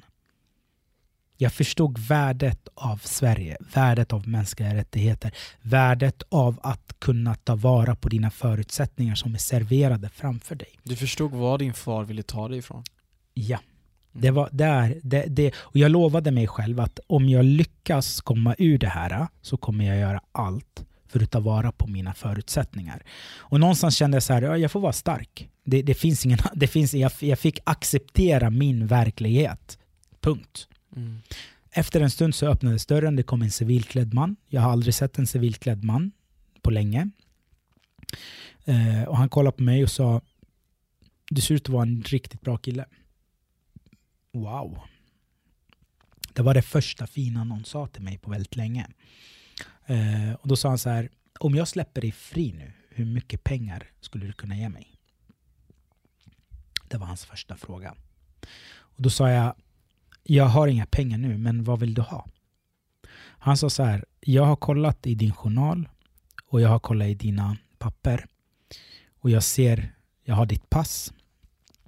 Din pappa har mutat någon som är högre uppsatt och eh, du har fått ett uppskov från militärtjänsten i två år. Så när du, du ska få komma tillbaka och tjänstgöra vårt land om två år tillsammans med, med din tvillingbror. Det har alltså din pappa kommit överens om? Jag vet inte. Det, det, det här är information som jag fick till mig Mm. när jag satt där. Det här är information som jag fick mig, till mig när jag satt där. Så för mig var det, jaha, men, men eh, hur mycket pengar kan du vill, ja, men hur mycket pengar vill du ha? Jag lovar, hade jag haft en portfölj full med pengar, jag hade inte tvekat en sekund. Du ville bara därifrån? Jag ville bara hem. Jag ville bara hem. Hem till Sverige? Jag ville hem till Sverige. Jag ville se min familj. Alltså det var ju liksom, visst, det var en kort tid, men för mig var det en evighet. Mm. Sverige, blev, alltså Sverige blev ditt hem där? Men Sverige du, blev mitt, mitt hjärta Ja. där. Hur kändes det att bli fängslad i det land som var ditt hem från början? Jag har aldrig känt mig hemma där. Jag har aldrig känt mig hemma där. I Syrien? Nej. Jag har inte personligen. Mm. Och sen var jag ett barn när jag kom därifrån. Just det. Så jag, har- jag, jag, har, jag har mer minnen ifrån Sverige. Mm. Om man jämför min livslängd då, då var jag mer liksom, i Sverige än vad jag var i Syrien. Liksom. Det kän- kändes i alla fall som så. Mm. Men hur Så- som helst, Vad hände sen då? det som hände det var att eh, han ville ha 10 000 lera Mm. för att släppa mig. Eh, och jag sa att Hur mycket är det i svenska kronor? då på den tiden kanske det var en 500 Ja. mm. Och jag sa 10 000, du kan få 20 000, bara släpp mig. Han sa okej, hur gör du då med pengarna? Du har inga pengar på dig. Jag bara nej, jag har inga pengar på mig. Eh, han sa okej, men jag behåller ditt pass så kommer du imorgon hämta ditt pass så ger du mig mi- mina pengar. Absolut, sa jag. Och då släppte han, ja, han släppte mig fri, lossade mina handbojor och allt det där. Och bara liksom den känslan att gå utan att någon håller i dig eller förnedrar dig. Och det var på sjunde våningen jag var. För varje våningsplan jag gick ner så fick jag se mer och mer civilklädda människor. Vanliga människor, inga poliser eller militärer. Och någonstans var det också så här orealistiskt. Liksom. Shit, någon kommer ta mig snart. Men också att bara gå ut och se solen och se människor. Mm. Det var ju liksom, oj, helt, helt så vä- alltså, värdet av att vara fri, det var ju liksom, det fick verkligen uppleva det. När fick du träffa din far första gången igen då? Jag, jag eh, när jag kom ut så träffade jag min farbror. Han stod en bit därifrån vid bilen. Han visste att jag skulle komma. Han fick inte komma in. Så, och då såg jag min farbror och min pappas bil. Min pappas bil var jätteskitig. Och min farbror hade bilnycklarna. Och min pappa, han har sagt till mig, det viktigaste i livet, det är tre saker. Det är din fru, din bil och ditt vapen. De här tre, de, de lånar du aldrig ut till någon. Så viktig var min pappas bil för honom. Så jag, jag förstod direkt att min pappa han kunde aldrig sova om hans bil var smutsig. Den, den måste vara ren. Så jag förstod att något har hänt. Min pappa kör inte sin bil. Hans, min farbror kör pappas bil. Ingen får köra min pappas bil. Och att bilen var skitig, det var ett tecken på att något har hänt. Så jag frågade direkt vad är som har hänt. Han sa nej, ingenting. Jag sa var är min pappa? Han sa nej men han är hemma, han väntar på dig. Så satte vi i bilen och jag direkt förstod att det var något som, Något var off liksom. något som inte stämde. Något var jättekonstigt. Så åkte vi till sjukhuset. Och Sjukhuset? ja, min pappa låg på sjukhus. Han hade opererats. Han hade, Just det. ja, För hjärtinfarkten. ja, precis. Mm. De fick ju gå in och, och det, var, det var sjukt. Jag tappade allt där. Eh, helt plötsligt så var det liksom, jag, var liksom jag, jag glömde bort allt som jag har varit med om. Nu är det min pappa som har fokus. Ja, det var, det var jobbigt. Det var skitjobbigt. Och det värsta av allt, min pappa kunde varken bila tillbaka, han kunde inte flyga, han kunde inte göra någonting. Han skulle rehabiliteras i tre månader, så jag fick lida i tre månaders tid i, i Syrien. Syrien. När jag gick runt och bara hatade allt. Jag svor på svenska, det var ju min räddning till systemet där och allt. Ja. Men, men eh, Vad var det första du sa till din pappa när du såg honom? det kom inga ord. Nej. Det kom ingenting. Jag grät. Och han, han grät också. Det var, det var jobbigt. Min mamma var där. Jag hade inte sett mamma på jättelänge. Eh, jag var jättesmutsig och luktade illa och du vet, du får inte direkt duscha i ett Nej. fängelse. På två veckor. Ja. Och jag hade faktiskt ja, men, bilresan också. Jag menar, det, Mm. du bara längtade för att liksom bara ja, men, mm, fräscha till dig. Och Exakt. så. Ja, det var det. Var, det, var, det, var det. Och, och det var inte klar än, för att efter det så skulle underrättelsetjänsten, eh, de skulle hålla koll på mig. För att jag skulle besöka dem typ Regelbundet liksom. regelbundet. Och de ställde massa frågor och vad kommer du berätta om oss utomlands, bla bla bla. bla. Så att det var ju inte liksom klart där. Jag, fick, jag, jag blev inte klar med dem. Nej, de förföljer ju en, Ja. speciellt efter. Så att jag fick ju, jag fick ju vara kvar där. Så en, papp, en kompis till min pappa kom från Sverige, han flög ner. Han eh, tog bilen och körde tillbaka den. Var han svensk? Nej, Nej. en, en eh, palestinier då, Mm. som bodde i Uppsala. Han eh, hämtade pappas bil, körde tillbaka den till Sverige och så flög vi tillbaka. Då. Och det sjuka är att jag hade glömt bort mitt pass, jag hade glömt bort allt. Mm. Och det var ju liksom då min pappa, han hade ju letat efter mitt pass och inte hittat det. Så frågade han, var är ditt pass? Och då kom jag på det. Jag bara shit, mitt pass ligger på den här eh, militärbasen som, där jag, vi folkbokförda. Mm. Han bara va? Varför det? Och jag hade inte berättat något till min pappa om någonting som hade hänt. Det var bara liksom, det går inte. Och då sa han, okej va- varför är den kvar där? Jag sa att han ville ha pengar för att släppa mig. Okej. Min pappa han var en väldigt stilig man. Liksom. Han drog på sig sin kostym. Han sa till mig, Jalla kom vi, vi går och hämtar ditt pass. Och det som hände där, pff, min pappa var min största hjälte. Vi gick upp till sjunde våningen. Och då frågade han, vart sitter han? Jag sa, det där kontoret där inne. Han öppnade bara dörren och gick rakt in. Det sitter massa militär och poliser inne där. Han ställde sig i mitten. Han sa, vem är det? Peka på honom. Jag bara, där är han. Han bara, ställ dig upp. Och den här killen, han höll på att skita på sig. På riktigt. Han ställde sig upp, han bara, var är hans pass? Han öppnade sin låda, tog fram mitt pass, kom med darrande hand fram till min pappa. Och gav den till min pappa. Varför, varför hade din pappa så mycket respekt? Ingen har de här... Ingen har den staken att komma in i en myndighet, hos en myndighet på det här sättet. Speciellt i Syrien med de omständigheterna. Speciellt i Syrien. Den som gör det är helt galen. Har man inte den direkt kontakt med någon väldigt högt uppsatt så kommer man inte in sådär. Hade din pappa det? Nej, Fake Han- it till you make it. han hade inte det. Min pappa kände en polis Ja. som i sin tur kände någon. som i sin tur kände någon. Så att min pappa kände inte någon vä- väldigt högt uppsatt. Men med den hjärtat han gick in, det var ingen som vågade frågasätta det. Vi snackade om vilja innan. Med den viljan han Mm, gick in. mm. Nej, inte vilja, jag lovar dig. Det, det, min pappa var kanske också jävligt rädd. Ja. Men, men med det hjärtat han gick in och den attityden, det är ingen som går in hos en myndighet på det här sättet om man inte har väldigt stora kontakter. Om man är galen Mm. om de kommer på dig. Men de här, de vart ju jätterädda. Så han gav pappa mitt pass. Och min pappa spottade honom i ansiktet. Framför allihopa. Och sa att ni inte skäms. Att ni inte skäms. När ska ni bli människor? Och så vände han på klacken och gick. Jag stod där och kollade på allihopa. jag kände bara, det är bäst att dra. Men min pappa var min största hjälte. Mm. Han tog, på något sätt så tog han lite av min revansch. Liksom. Mm. Så. Han stod Sen- upp för dig. Ja, Mm. ja, ja. Han kunde, han kunde råka jätteilla ut där. Sen var det bara att sätta sig på ett flygplan och flyga tillbaka till möjligheternas land. Hur var ditt första, eller jag skulle säga ditt andra möte med Sverige igen?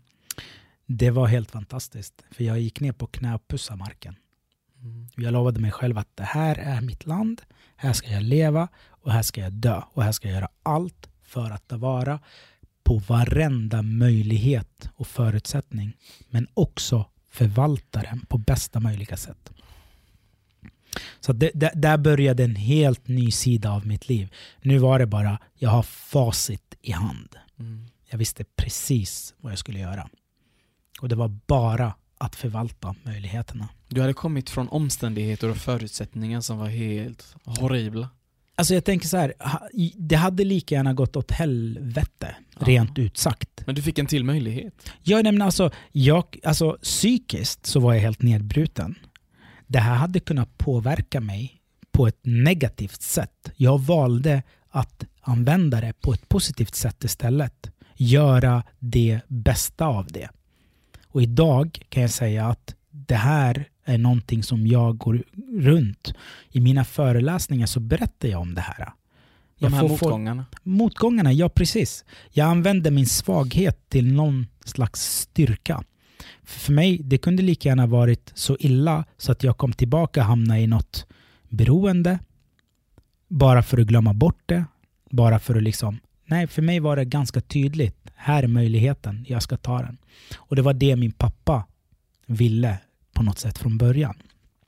Han hade, han hade hemskt gärna inte velat att jag hade behövt gå igenom de här grejerna för att jag ska förstå vad han menar. Han ville ju ditt bästa alldeles mm. från början. Liksom. Han ville mitt bästa från början.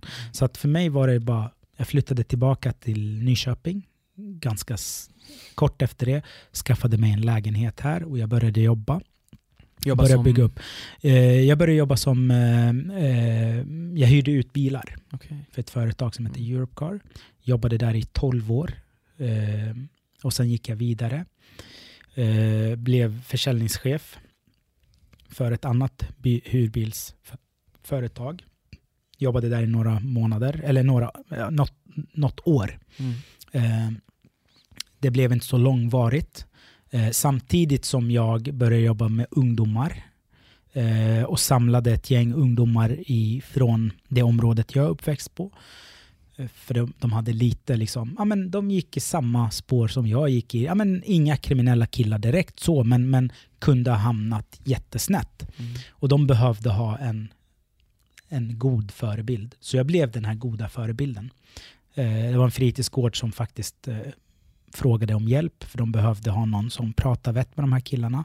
De ville kasta ut dem ifrån den här fritidsgården för de tog för stor plats. Eh, andra yngre killar kunde inte komma dit. De behövde kanske någon att se upp till, en förebild. Precis, och jag blev den rätta förebilden för dem. Så jag berättade för dem för första gången min historia.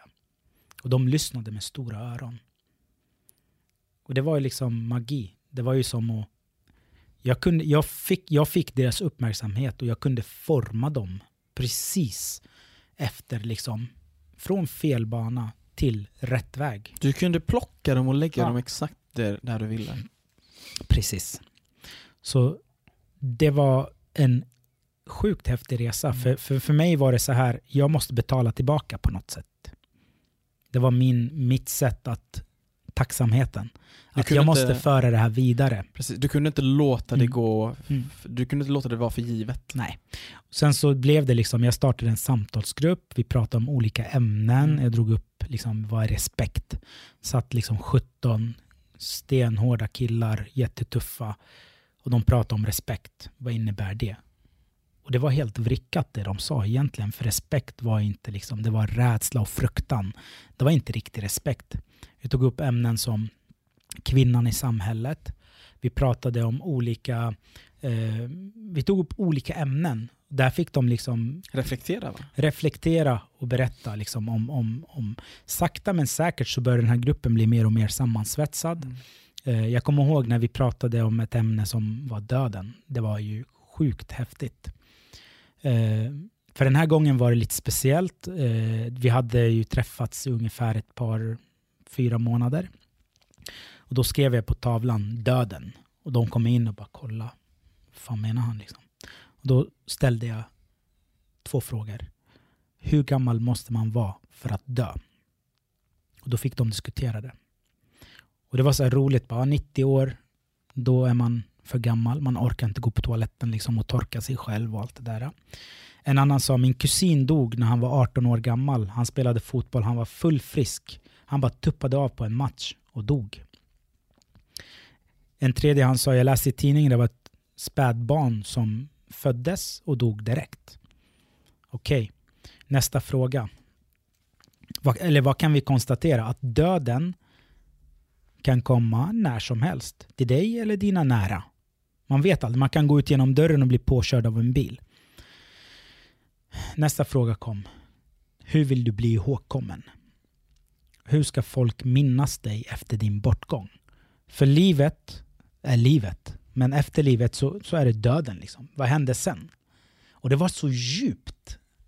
Det var så här, vi har aldrig pratat om något sånt. Jag har aldrig behövt oroa mig för det. Man har aldrig tänkt i de banorna. Man har aldrig tänkt i de banorna. Och det var lite, vad ska jag säga, det var lite känslosamt. För att när man började ställa de här frågorna. Lite bara. Nej men det blev så här. Jag kan tänka mig det var väldigt känslosamt. Ska folk komma till din begravning och lämna blommor? Eller ska folk tänka, vem fan bryr sig en idiot mer eller mindre? Då börjar man tänka. Och då kom nästa fråga som var viktigaste frågan av alla. Du får ett samtal av en läkare som säger att du är sjuk, du har 30 dagar på dig, sen är det kört. Vad gör du då? Svaren var helt fantastiska. De här gangsterkillarna som var skittuffa och så, de sa så fina saker så det var helt underbart. Det var någon som sa jag skulle bosätta mig under min mammas fötter, pussa dem dag in dag ut tills jag slutade andas. En annan sa jag skulle knacka på alla mina fiender och be om ursäkt och ge dem en kram. En tredje sa jag skulle berätta för min bror hur mycket jag faktiskt älskar honom, för de bråkade hela tiden. Alltså det var, det var så... Och då sa jag så här, okej, okay, varför vill du bosätta dig under din, mam, dina, din mammas fötter? Tills du slutar andas. Varför? För jag älskar henne mer än allt annat. Bra, då går vi dit istället. Vem älskar du mest i hela världen? De flesta sa mamma. De som inte hade mamma, de sa pappa. När var senast du gjorde någonting fint åt någon du älskar? För lika väl som att du kan dö när som helst så kan någon du älskar dö när som helst. När var det sist du kom hem och sa till din mamma Mamma, idag behöver inte du laga min mat. Jag ska servera dig. Eller Mamma, du behöver inte tvätta mina skitiga kalsonger. Det kan jag göra. Du ska bara chilla en dag. När var det sist du gjorde det? Alla skämdes så mycket. Och det var så här. Uff, jag har aldrig gjort någonting bra åt någon jag älskar. Då är det dags att du ska börja göra det. Det var första steget. De fick en uppgift och det var att göra någonting fint åt någon de älskar. Och nästa vecka skulle de komma och berätta vad var det som hände. Så där var liksom vändpunkten liksom också åt de här killarna. För med ganska enkla medel kunde jag faktiskt gå in och skrapa fram den fina människan. För för mig är det väldigt tydligt, ingen föds ond. Jag kan tänka mig att de fick en väldigt unik igenkänningsfaktor. Absolut. När du pratade från mm. ett ställe som var, mm. stod dig väldigt nära. Mm. mm. Och ditt budskap mm. var ju mm. så känslofullt. Liksom. Nej, men det, var, det, var, det fanns inget annat sätt att kunna nå fram till dem. Jag hade testat på många olika sätt. Det var inte dans på rosor. Nej, nej. Att, att, få, att få 17 killar, tuffa killar, att stå på en teaterscen. Det var ingen dans på rosor. Nej.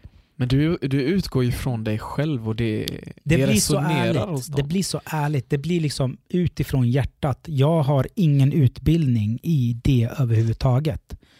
Jag har gått livets skola. Jag har fått se människors olika öden.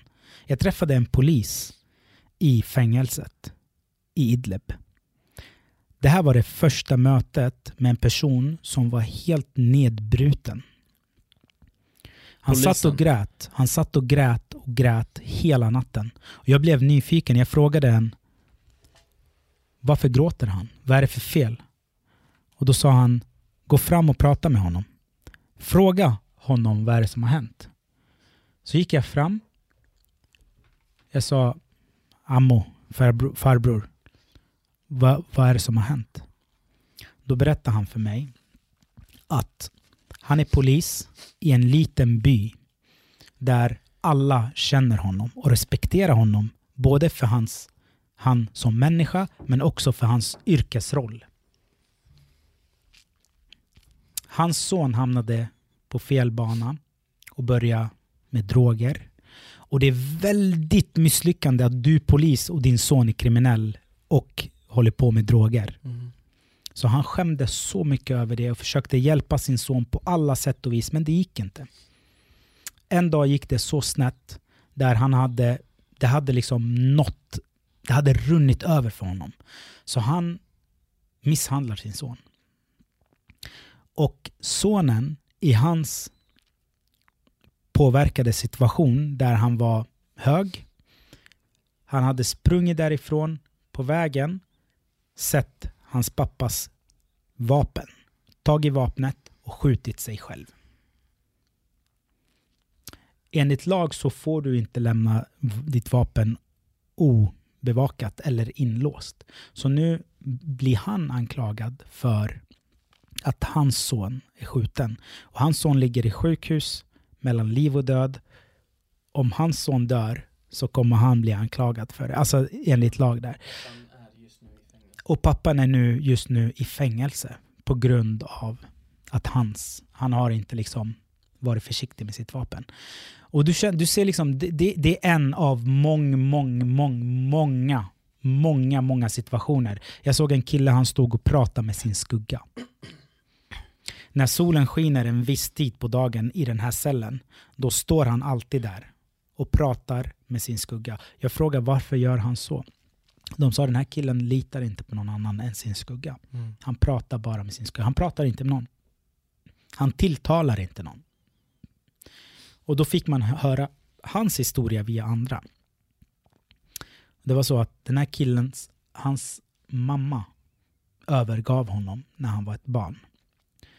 Eller förlåt, hans pappa övergav familjen när han var ett barn och gifte sig med en annan kvinna. Den här kvinnan ville inte ha någonting med hans förflutna att göra. Så han, han stack och vände ryggen åt sin gamla familj. Då. För att vara med den här nya kvinnan. För att vara med den här nya. Och de flyttade bort till någon annan stad. Eller, ja. Och den här killen växte upp som barn på gatan. Vanligtvis mamman, hon går inte, det är svårare i den kulturen att hon ska gå vidare. Ingen vill liksom söka upp en kvinna som redan har fyra, fem barn. Mm. Så han och hans syskon växte upp på gatan och han var tvungen att sno för att släcka sin törst och sin hunger. Och sen dess har han hamnat på fängelsen, in och ut, in och mm. ut. Och nu har han suttit för något större. Och han blivit, han blivit liksom torterad så han har tappat ja. allt. Han har tappat vettet helt enkelt. Allt. Alltså alla dessa berättelser, dessa erfarenheter, de ger, mm. så, de, de ger ett sånt otroligt perspektiv. Mm. Mm. Som jag tror dessa ungdomar som du nämnde, du kan placera dem vart du vill, du kan vända dem från den där dåliga vägen till mm. att gå på en bättre väg. För du ger dem det perspektivet och det kommer från en väldigt djup, djup plats. Absolut. Och du nämnde detta innan också, att när du insåg den här vändpunkten i cellen, mm. när du var själv, när du verkligen fick reflektera. Mm. Det var det här din pappa ville ta dig ifrån.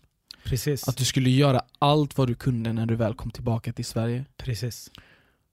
Och det, var, det blev ju så självklart. För mig var det mm. liksom, det, det alla, liksom, det, det, poletten trillade ner. Ja. jag behövde verkligen gå igenom det här. Du behövde ha ett syriskt fängelse ja, för att förstå. För Men för mig är det liksom, jag är nog mer tacksam över mm. det. Och, och, jag fick en fråga av dig eh, där du, du skrev till mig innan vi träffades här. Om du träffade dig själv i 18, 18 års åldern, mm. vad hade du gett dig själv för, för eh, råd? Mm. Och, och, jag tänker så här, det, det, det, det neutrala och det normala att, att svara på en sån fråga, det är att satsa på din utbildning. Satsa på någonting. Men ärligt talat så tänker jag så här. Det som min bakgrund har format mig till den jag är idag. Jag är fan tacksam för det. Jag tror, jag vet inte. Om, om jag inte fick uppleva den här stora prövningen så vet jag inte vart jag hade varit idag. Det har format mig till den jag är idag. Och din karriär är ju full av framgångar. Tack och lov. Ja. Vi kan bara ta det här som exempel. Att du är mäklare idag. Mm. Förra året var du den mest rekommenderade mäklaren i hela Sörmland. Ja. Och du har fått Sörmlands, eh, vad heter det? Sörmlands hjärta? Sörmlandsmedaljen. Sörmlandsmedaljen för din mm. verksamhet med teaterverksamhet med mot ungdomar, där du inspirerar och motiverar dem. Det, det är ett kvitto på, på, på det arbete som jag har lagt och jag är så stolt mm. Eh, för det. Det är så roligt att få också eh, att få bekräftelse på att det du gör också ger ett resultat och ger, gör skillnad. Det gör ju en påverkan. Och någonstans, du vet, så känner man att så länge man når ut till en människa mm. så är det värt. Absolut. Att oavsett, om, så länge jag påverkar en människa med den berättelsen jag har, mm. eller det jag har gått igenom, eller mina motgångar. Precis. Och just de här framgångarna var ju ett kvitto, liksom, som du säger, på att allt det elände du gick mm. igenom har faktiskt stärkt dig som människa. Precis. Ja. Det har gett dig ett visst perspektiv som ingen annan där ute har. Nej. Och Det är så intressant det här att, att du idag jobbar med, som mäklare, mm. att du säljer och hittar lägenheter åt människor, mm. en mm. yta där man ska känna sig trygg. Precis. Gentemot cellen, ja, som du hade på 40 kvadrat. Ja. Och ni var 90 personer inbankade ja. i det. Ja. Nej men det är helt underbart. Det där är ett sånt fantastiskt perspektiv. Mäklaryrket har ju alltid varit liksom en, en dröm. Drömyrke för mig, men det var så pass långt borta. Mm. För jag hade liksom inga betyg i matte A, matte B, matte C, vad det nu man ska ha. Eh, jag hade liksom knappt klarat av ett prov för att jag skulle liksom göra en tenta. Mm. Eh, men, men också tack vare liksom mitt arbete och mitt engagemang i samhället och det, det har ju fört mig och öppnat dörren till, till det här. Mm. För min, min eh, chef idag som faktiskt amen, headhuntade mig just till, till att bli mäklare. Det, det, det var ju liksom, det var ju det var ju helt fantastiskt. Jag fick ju det serverat framför mig att vill du verkligen bli mäklare så kan jag hjälpa dig med det. Mm. För mig var det så här, omöjligt. Det är liksom, jag, har, liksom, jag hade så dåligt självförtroende när det kom till att studera. Eh, jag trodde inte jag hade de kunst, alltså den, den eh, i och med att jag har dyslexi och så. Jag tänkte om, om, om jag ska ge mig in i någonting och sen göra bort mig, att jag misslyckas aldrig i livet. Mm. Sen kom jag på mig själv, liksom, vad, vad, jag, vad håller jag på med? Jag står på scen och försöker få människor att övervinna sina rädslor. Och du kan inte sätta dig och i skolbänken? Och jag kan inte sätta mig i skolbänken. Jag borde skämmas. Mm. Så det tog mig två månader faktiskt till att fatta ett beslut. För jag var så nervös. Ja. Jag var så rädd för det. Jag tänkte att jag ska plugga juridik, jag ska plugga eh, eh, ekonomi, jag ska plugga, det är så här ämnen som man bara, oh, det där är skitläskigt, det är mm. skitsvårt liksom. Men eh, jag bestämde mig för att göra det. Ja. Och det var helt galet. Det var den, ja, men, bland den tuffaste tiden jag varit med om för att det var så mycket just på en och samma gång. Fast, Samtidigt ja. som jag accepterade att börja studera. Och det skulle, det var tvunget att vara kämpigt? Ja. Samtidigt som jag skulle göra det, vanligtvis är den här utbildningen tvåårig, ibland treårig också. Jag fick göra den på 17 månader. Intensivt. Samtidigt som jag väntade mitt fjärde barn och jag byggde mitt drömhus tillsammans med min familj. Och jag drev mitt företag. Mm. Och jag jobbade med ensamkommande flyktingbarn på, olika, på två olika boenden. Och jag var ute och föreläste och jobbade med teaterverksamheten. Mm. Så allt det där gjorde jag samtidigt. Och jag har dyslexi och koncentrationssvårigheter. Jag brukar säga det, om jag klarar av en sån grej, vad kan inte du klara av? Bara för att du har en så kallad stämpel på dig, en diagnos ja. eller vad det nu ska ja. vara. Nej, det, det där är inte ett hinder. Vet du, vet du vad som hände? Det blev så här, det blev, det blev ju helt fantastiskt för jag ser möjligheterna. Mm. När jag fick höra att men om du har dyslexi så kan du få kurslitteraturen uppläst för dig. Jag tänkte så här, va? Ska någon komma här och läsa för mig? Eller vad är det vad frågan om? Nej, men jag skulle kontakta Kulturum, biblioteket ja. i Nyköping och där skulle jag kunna få eh, möjlighet att logga in på en app. Typ en ljudbok? Ja, ja, precis. Så det är något som heter Legumus som, som eh, jag fick ett eh, via eh, stadsbiblioteket här hos oss. Eh, jag fick en inloggning, så, så de riggade upp allting på fem minuter. Och sen så fick jag den här inloggningen. Jag laddade ner appen, gick in och så kunde jag söka på den kurslitteratur som jag behöver. Mm. Och allting fanns uppläst i den här appen. Så jag kunde helt plötsligt, det underlättade mitt liv, jag kunde helt plötsligt laga mat, byta blöjor. Jag kunde sitta och köra bil på väg till olika möten eller olika jobb mm. samtidigt som jag pluggade. Uh. Och det var, jag tänkte wow. Jag var ju väldigt osocial när jag var hemma då. Och det var, det var liksom, men det var en tidsbestämd period. Liksom. Det var en möjlighet för dig att kunna få dina studier gjorda. Precis. Ja. Så att ja, ja det, det, var ju, det var ju liksom, jag såg möjligheten i att wow, jag kan mm. göra två saker samtidigt. När jag jobbade med ensamkommande flyktingbarn, eh, de var ju i skolan eh, från morgon till liksom, ja de kom hem runt två, tre ibland. Och då kunde jag göra mina, eh, alltså studera till mina tentor under den tiden. Ja. Samtidigt som jag faktiskt jobbade och tjänade pengar. Jag förberedde, deras, jag förberedde deras mat och allting. Så att de kom hem, åt, då var jag med dem. Vi mm. pratade, hjälpte dem med läxan och allting. Och sen så gick de ut och typ spelade fotboll och umgicks med vänner. Och de skulle vara hemma senast klockan nio. Mm. Och då hade jag den tiden på mig att fortsätta plugga. Så det var ju perfekt. Liksom. Och då kunde jag göra flera saker samtidigt. Mm, mm. Det möjliggjorde verkligen. Och det ja. är det här, Sverige är ju möjligheternas land ja. som vi brukar säga. Men du anar inte, den första tentan jag skrev. Hur gick det? alltså jag trodde att jag var helt pantad. Men det gick, det gick bra. Jag fick godkänt. Ja. Jag gjorde värsta festen. Efter första tentan? Ja, det var, det var, det var hafla alltså. Det var en riktig hafla. Eh, och då, då fick jag så mycket mer självförtroende. Tänkte wow, jag, klarar jag klarade allt. det! Jag klarade. Alltså shit! Och sen det här med eh, men, juridik och, och, det var så roligt. Det var så här, jag var jätterädd för de ämnena för jag tänkte så här, oh, vad svårt det kommer vara. Men det var så allmänbildande. Mm, mm. Du lärde dig så mycket saker. Det var, det var jättekul. Mm, jag kan tänka mig. Ja. Och idag förutom att du håller på med just som mäklare, jobbar som mäklare mm. eh, och de här ideella mm. arbeten som du mm. brinner för.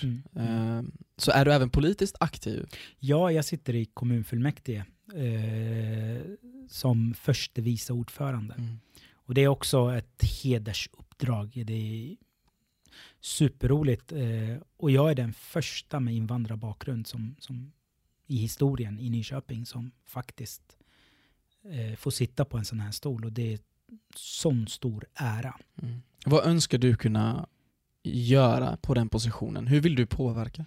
Alltså, jag skulle vilja påverka på många olika sätt. Jag brinner mycket för det här med ungdomar och ungdomskriminaliteten. Då.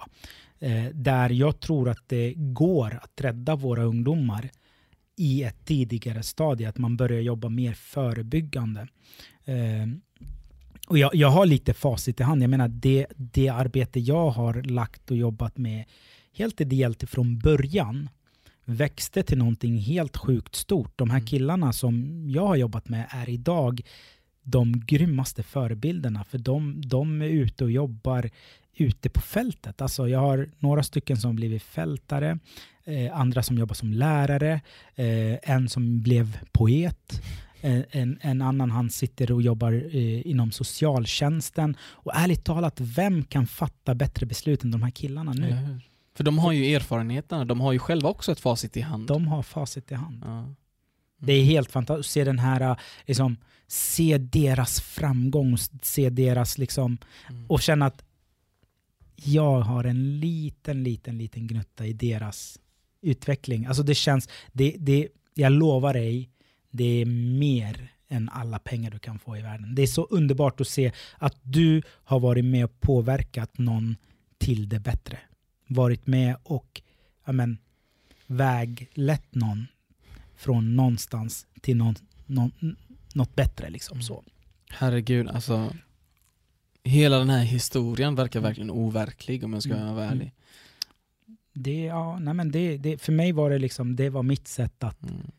tacka mm. det här fantastiska landet för allt jag har fått. Mm. Allt som jag inte förstod ifrån början. Om jag får fråga dig en sista fråga. Mm. Sist men inte minst, vad skulle du vilja dela med dig, förutom allt vi sagt, förutom ja. allting vi pratat ja. om. Vad skulle du vilja dela med dig till våra lyssnare som lyssnar just nu? Jag skulle vilja säga till alla oavsett ålder, samhällsklass, bakgrund, religion, sexuell läggning, kvinna eller man. skulle jag säga skapa goda relationer med varandra. Det, det är någonting som jag verkligen, verkligen värdesätter så högt. För er som är lite yngre, de ni går i samma klass med, du vet aldrig vem, vem som sitter bredvid dig eller går i din klass som kommer att bli din chef, som kommer att bli din anställd, som kommer vara din partner. Det vet du inte nu. Vem vet vad framtiden döljer? Skapa goda relationer till varandra nu. För oavsett om du, oavsett vad, om du är en entreprenör eh, i ditt yrke, du kommer aldrig behöva ringa ett kallt samtal. Skapa eh, goda relationer till varandra och ha respekt för varandra oavsett vad det är. Det är mitt största råd faktiskt. Jag måste säga tack så hemskt mycket. Jag sitter verkligen ödmjukt här framför dig och lyssnar. Tack snälla.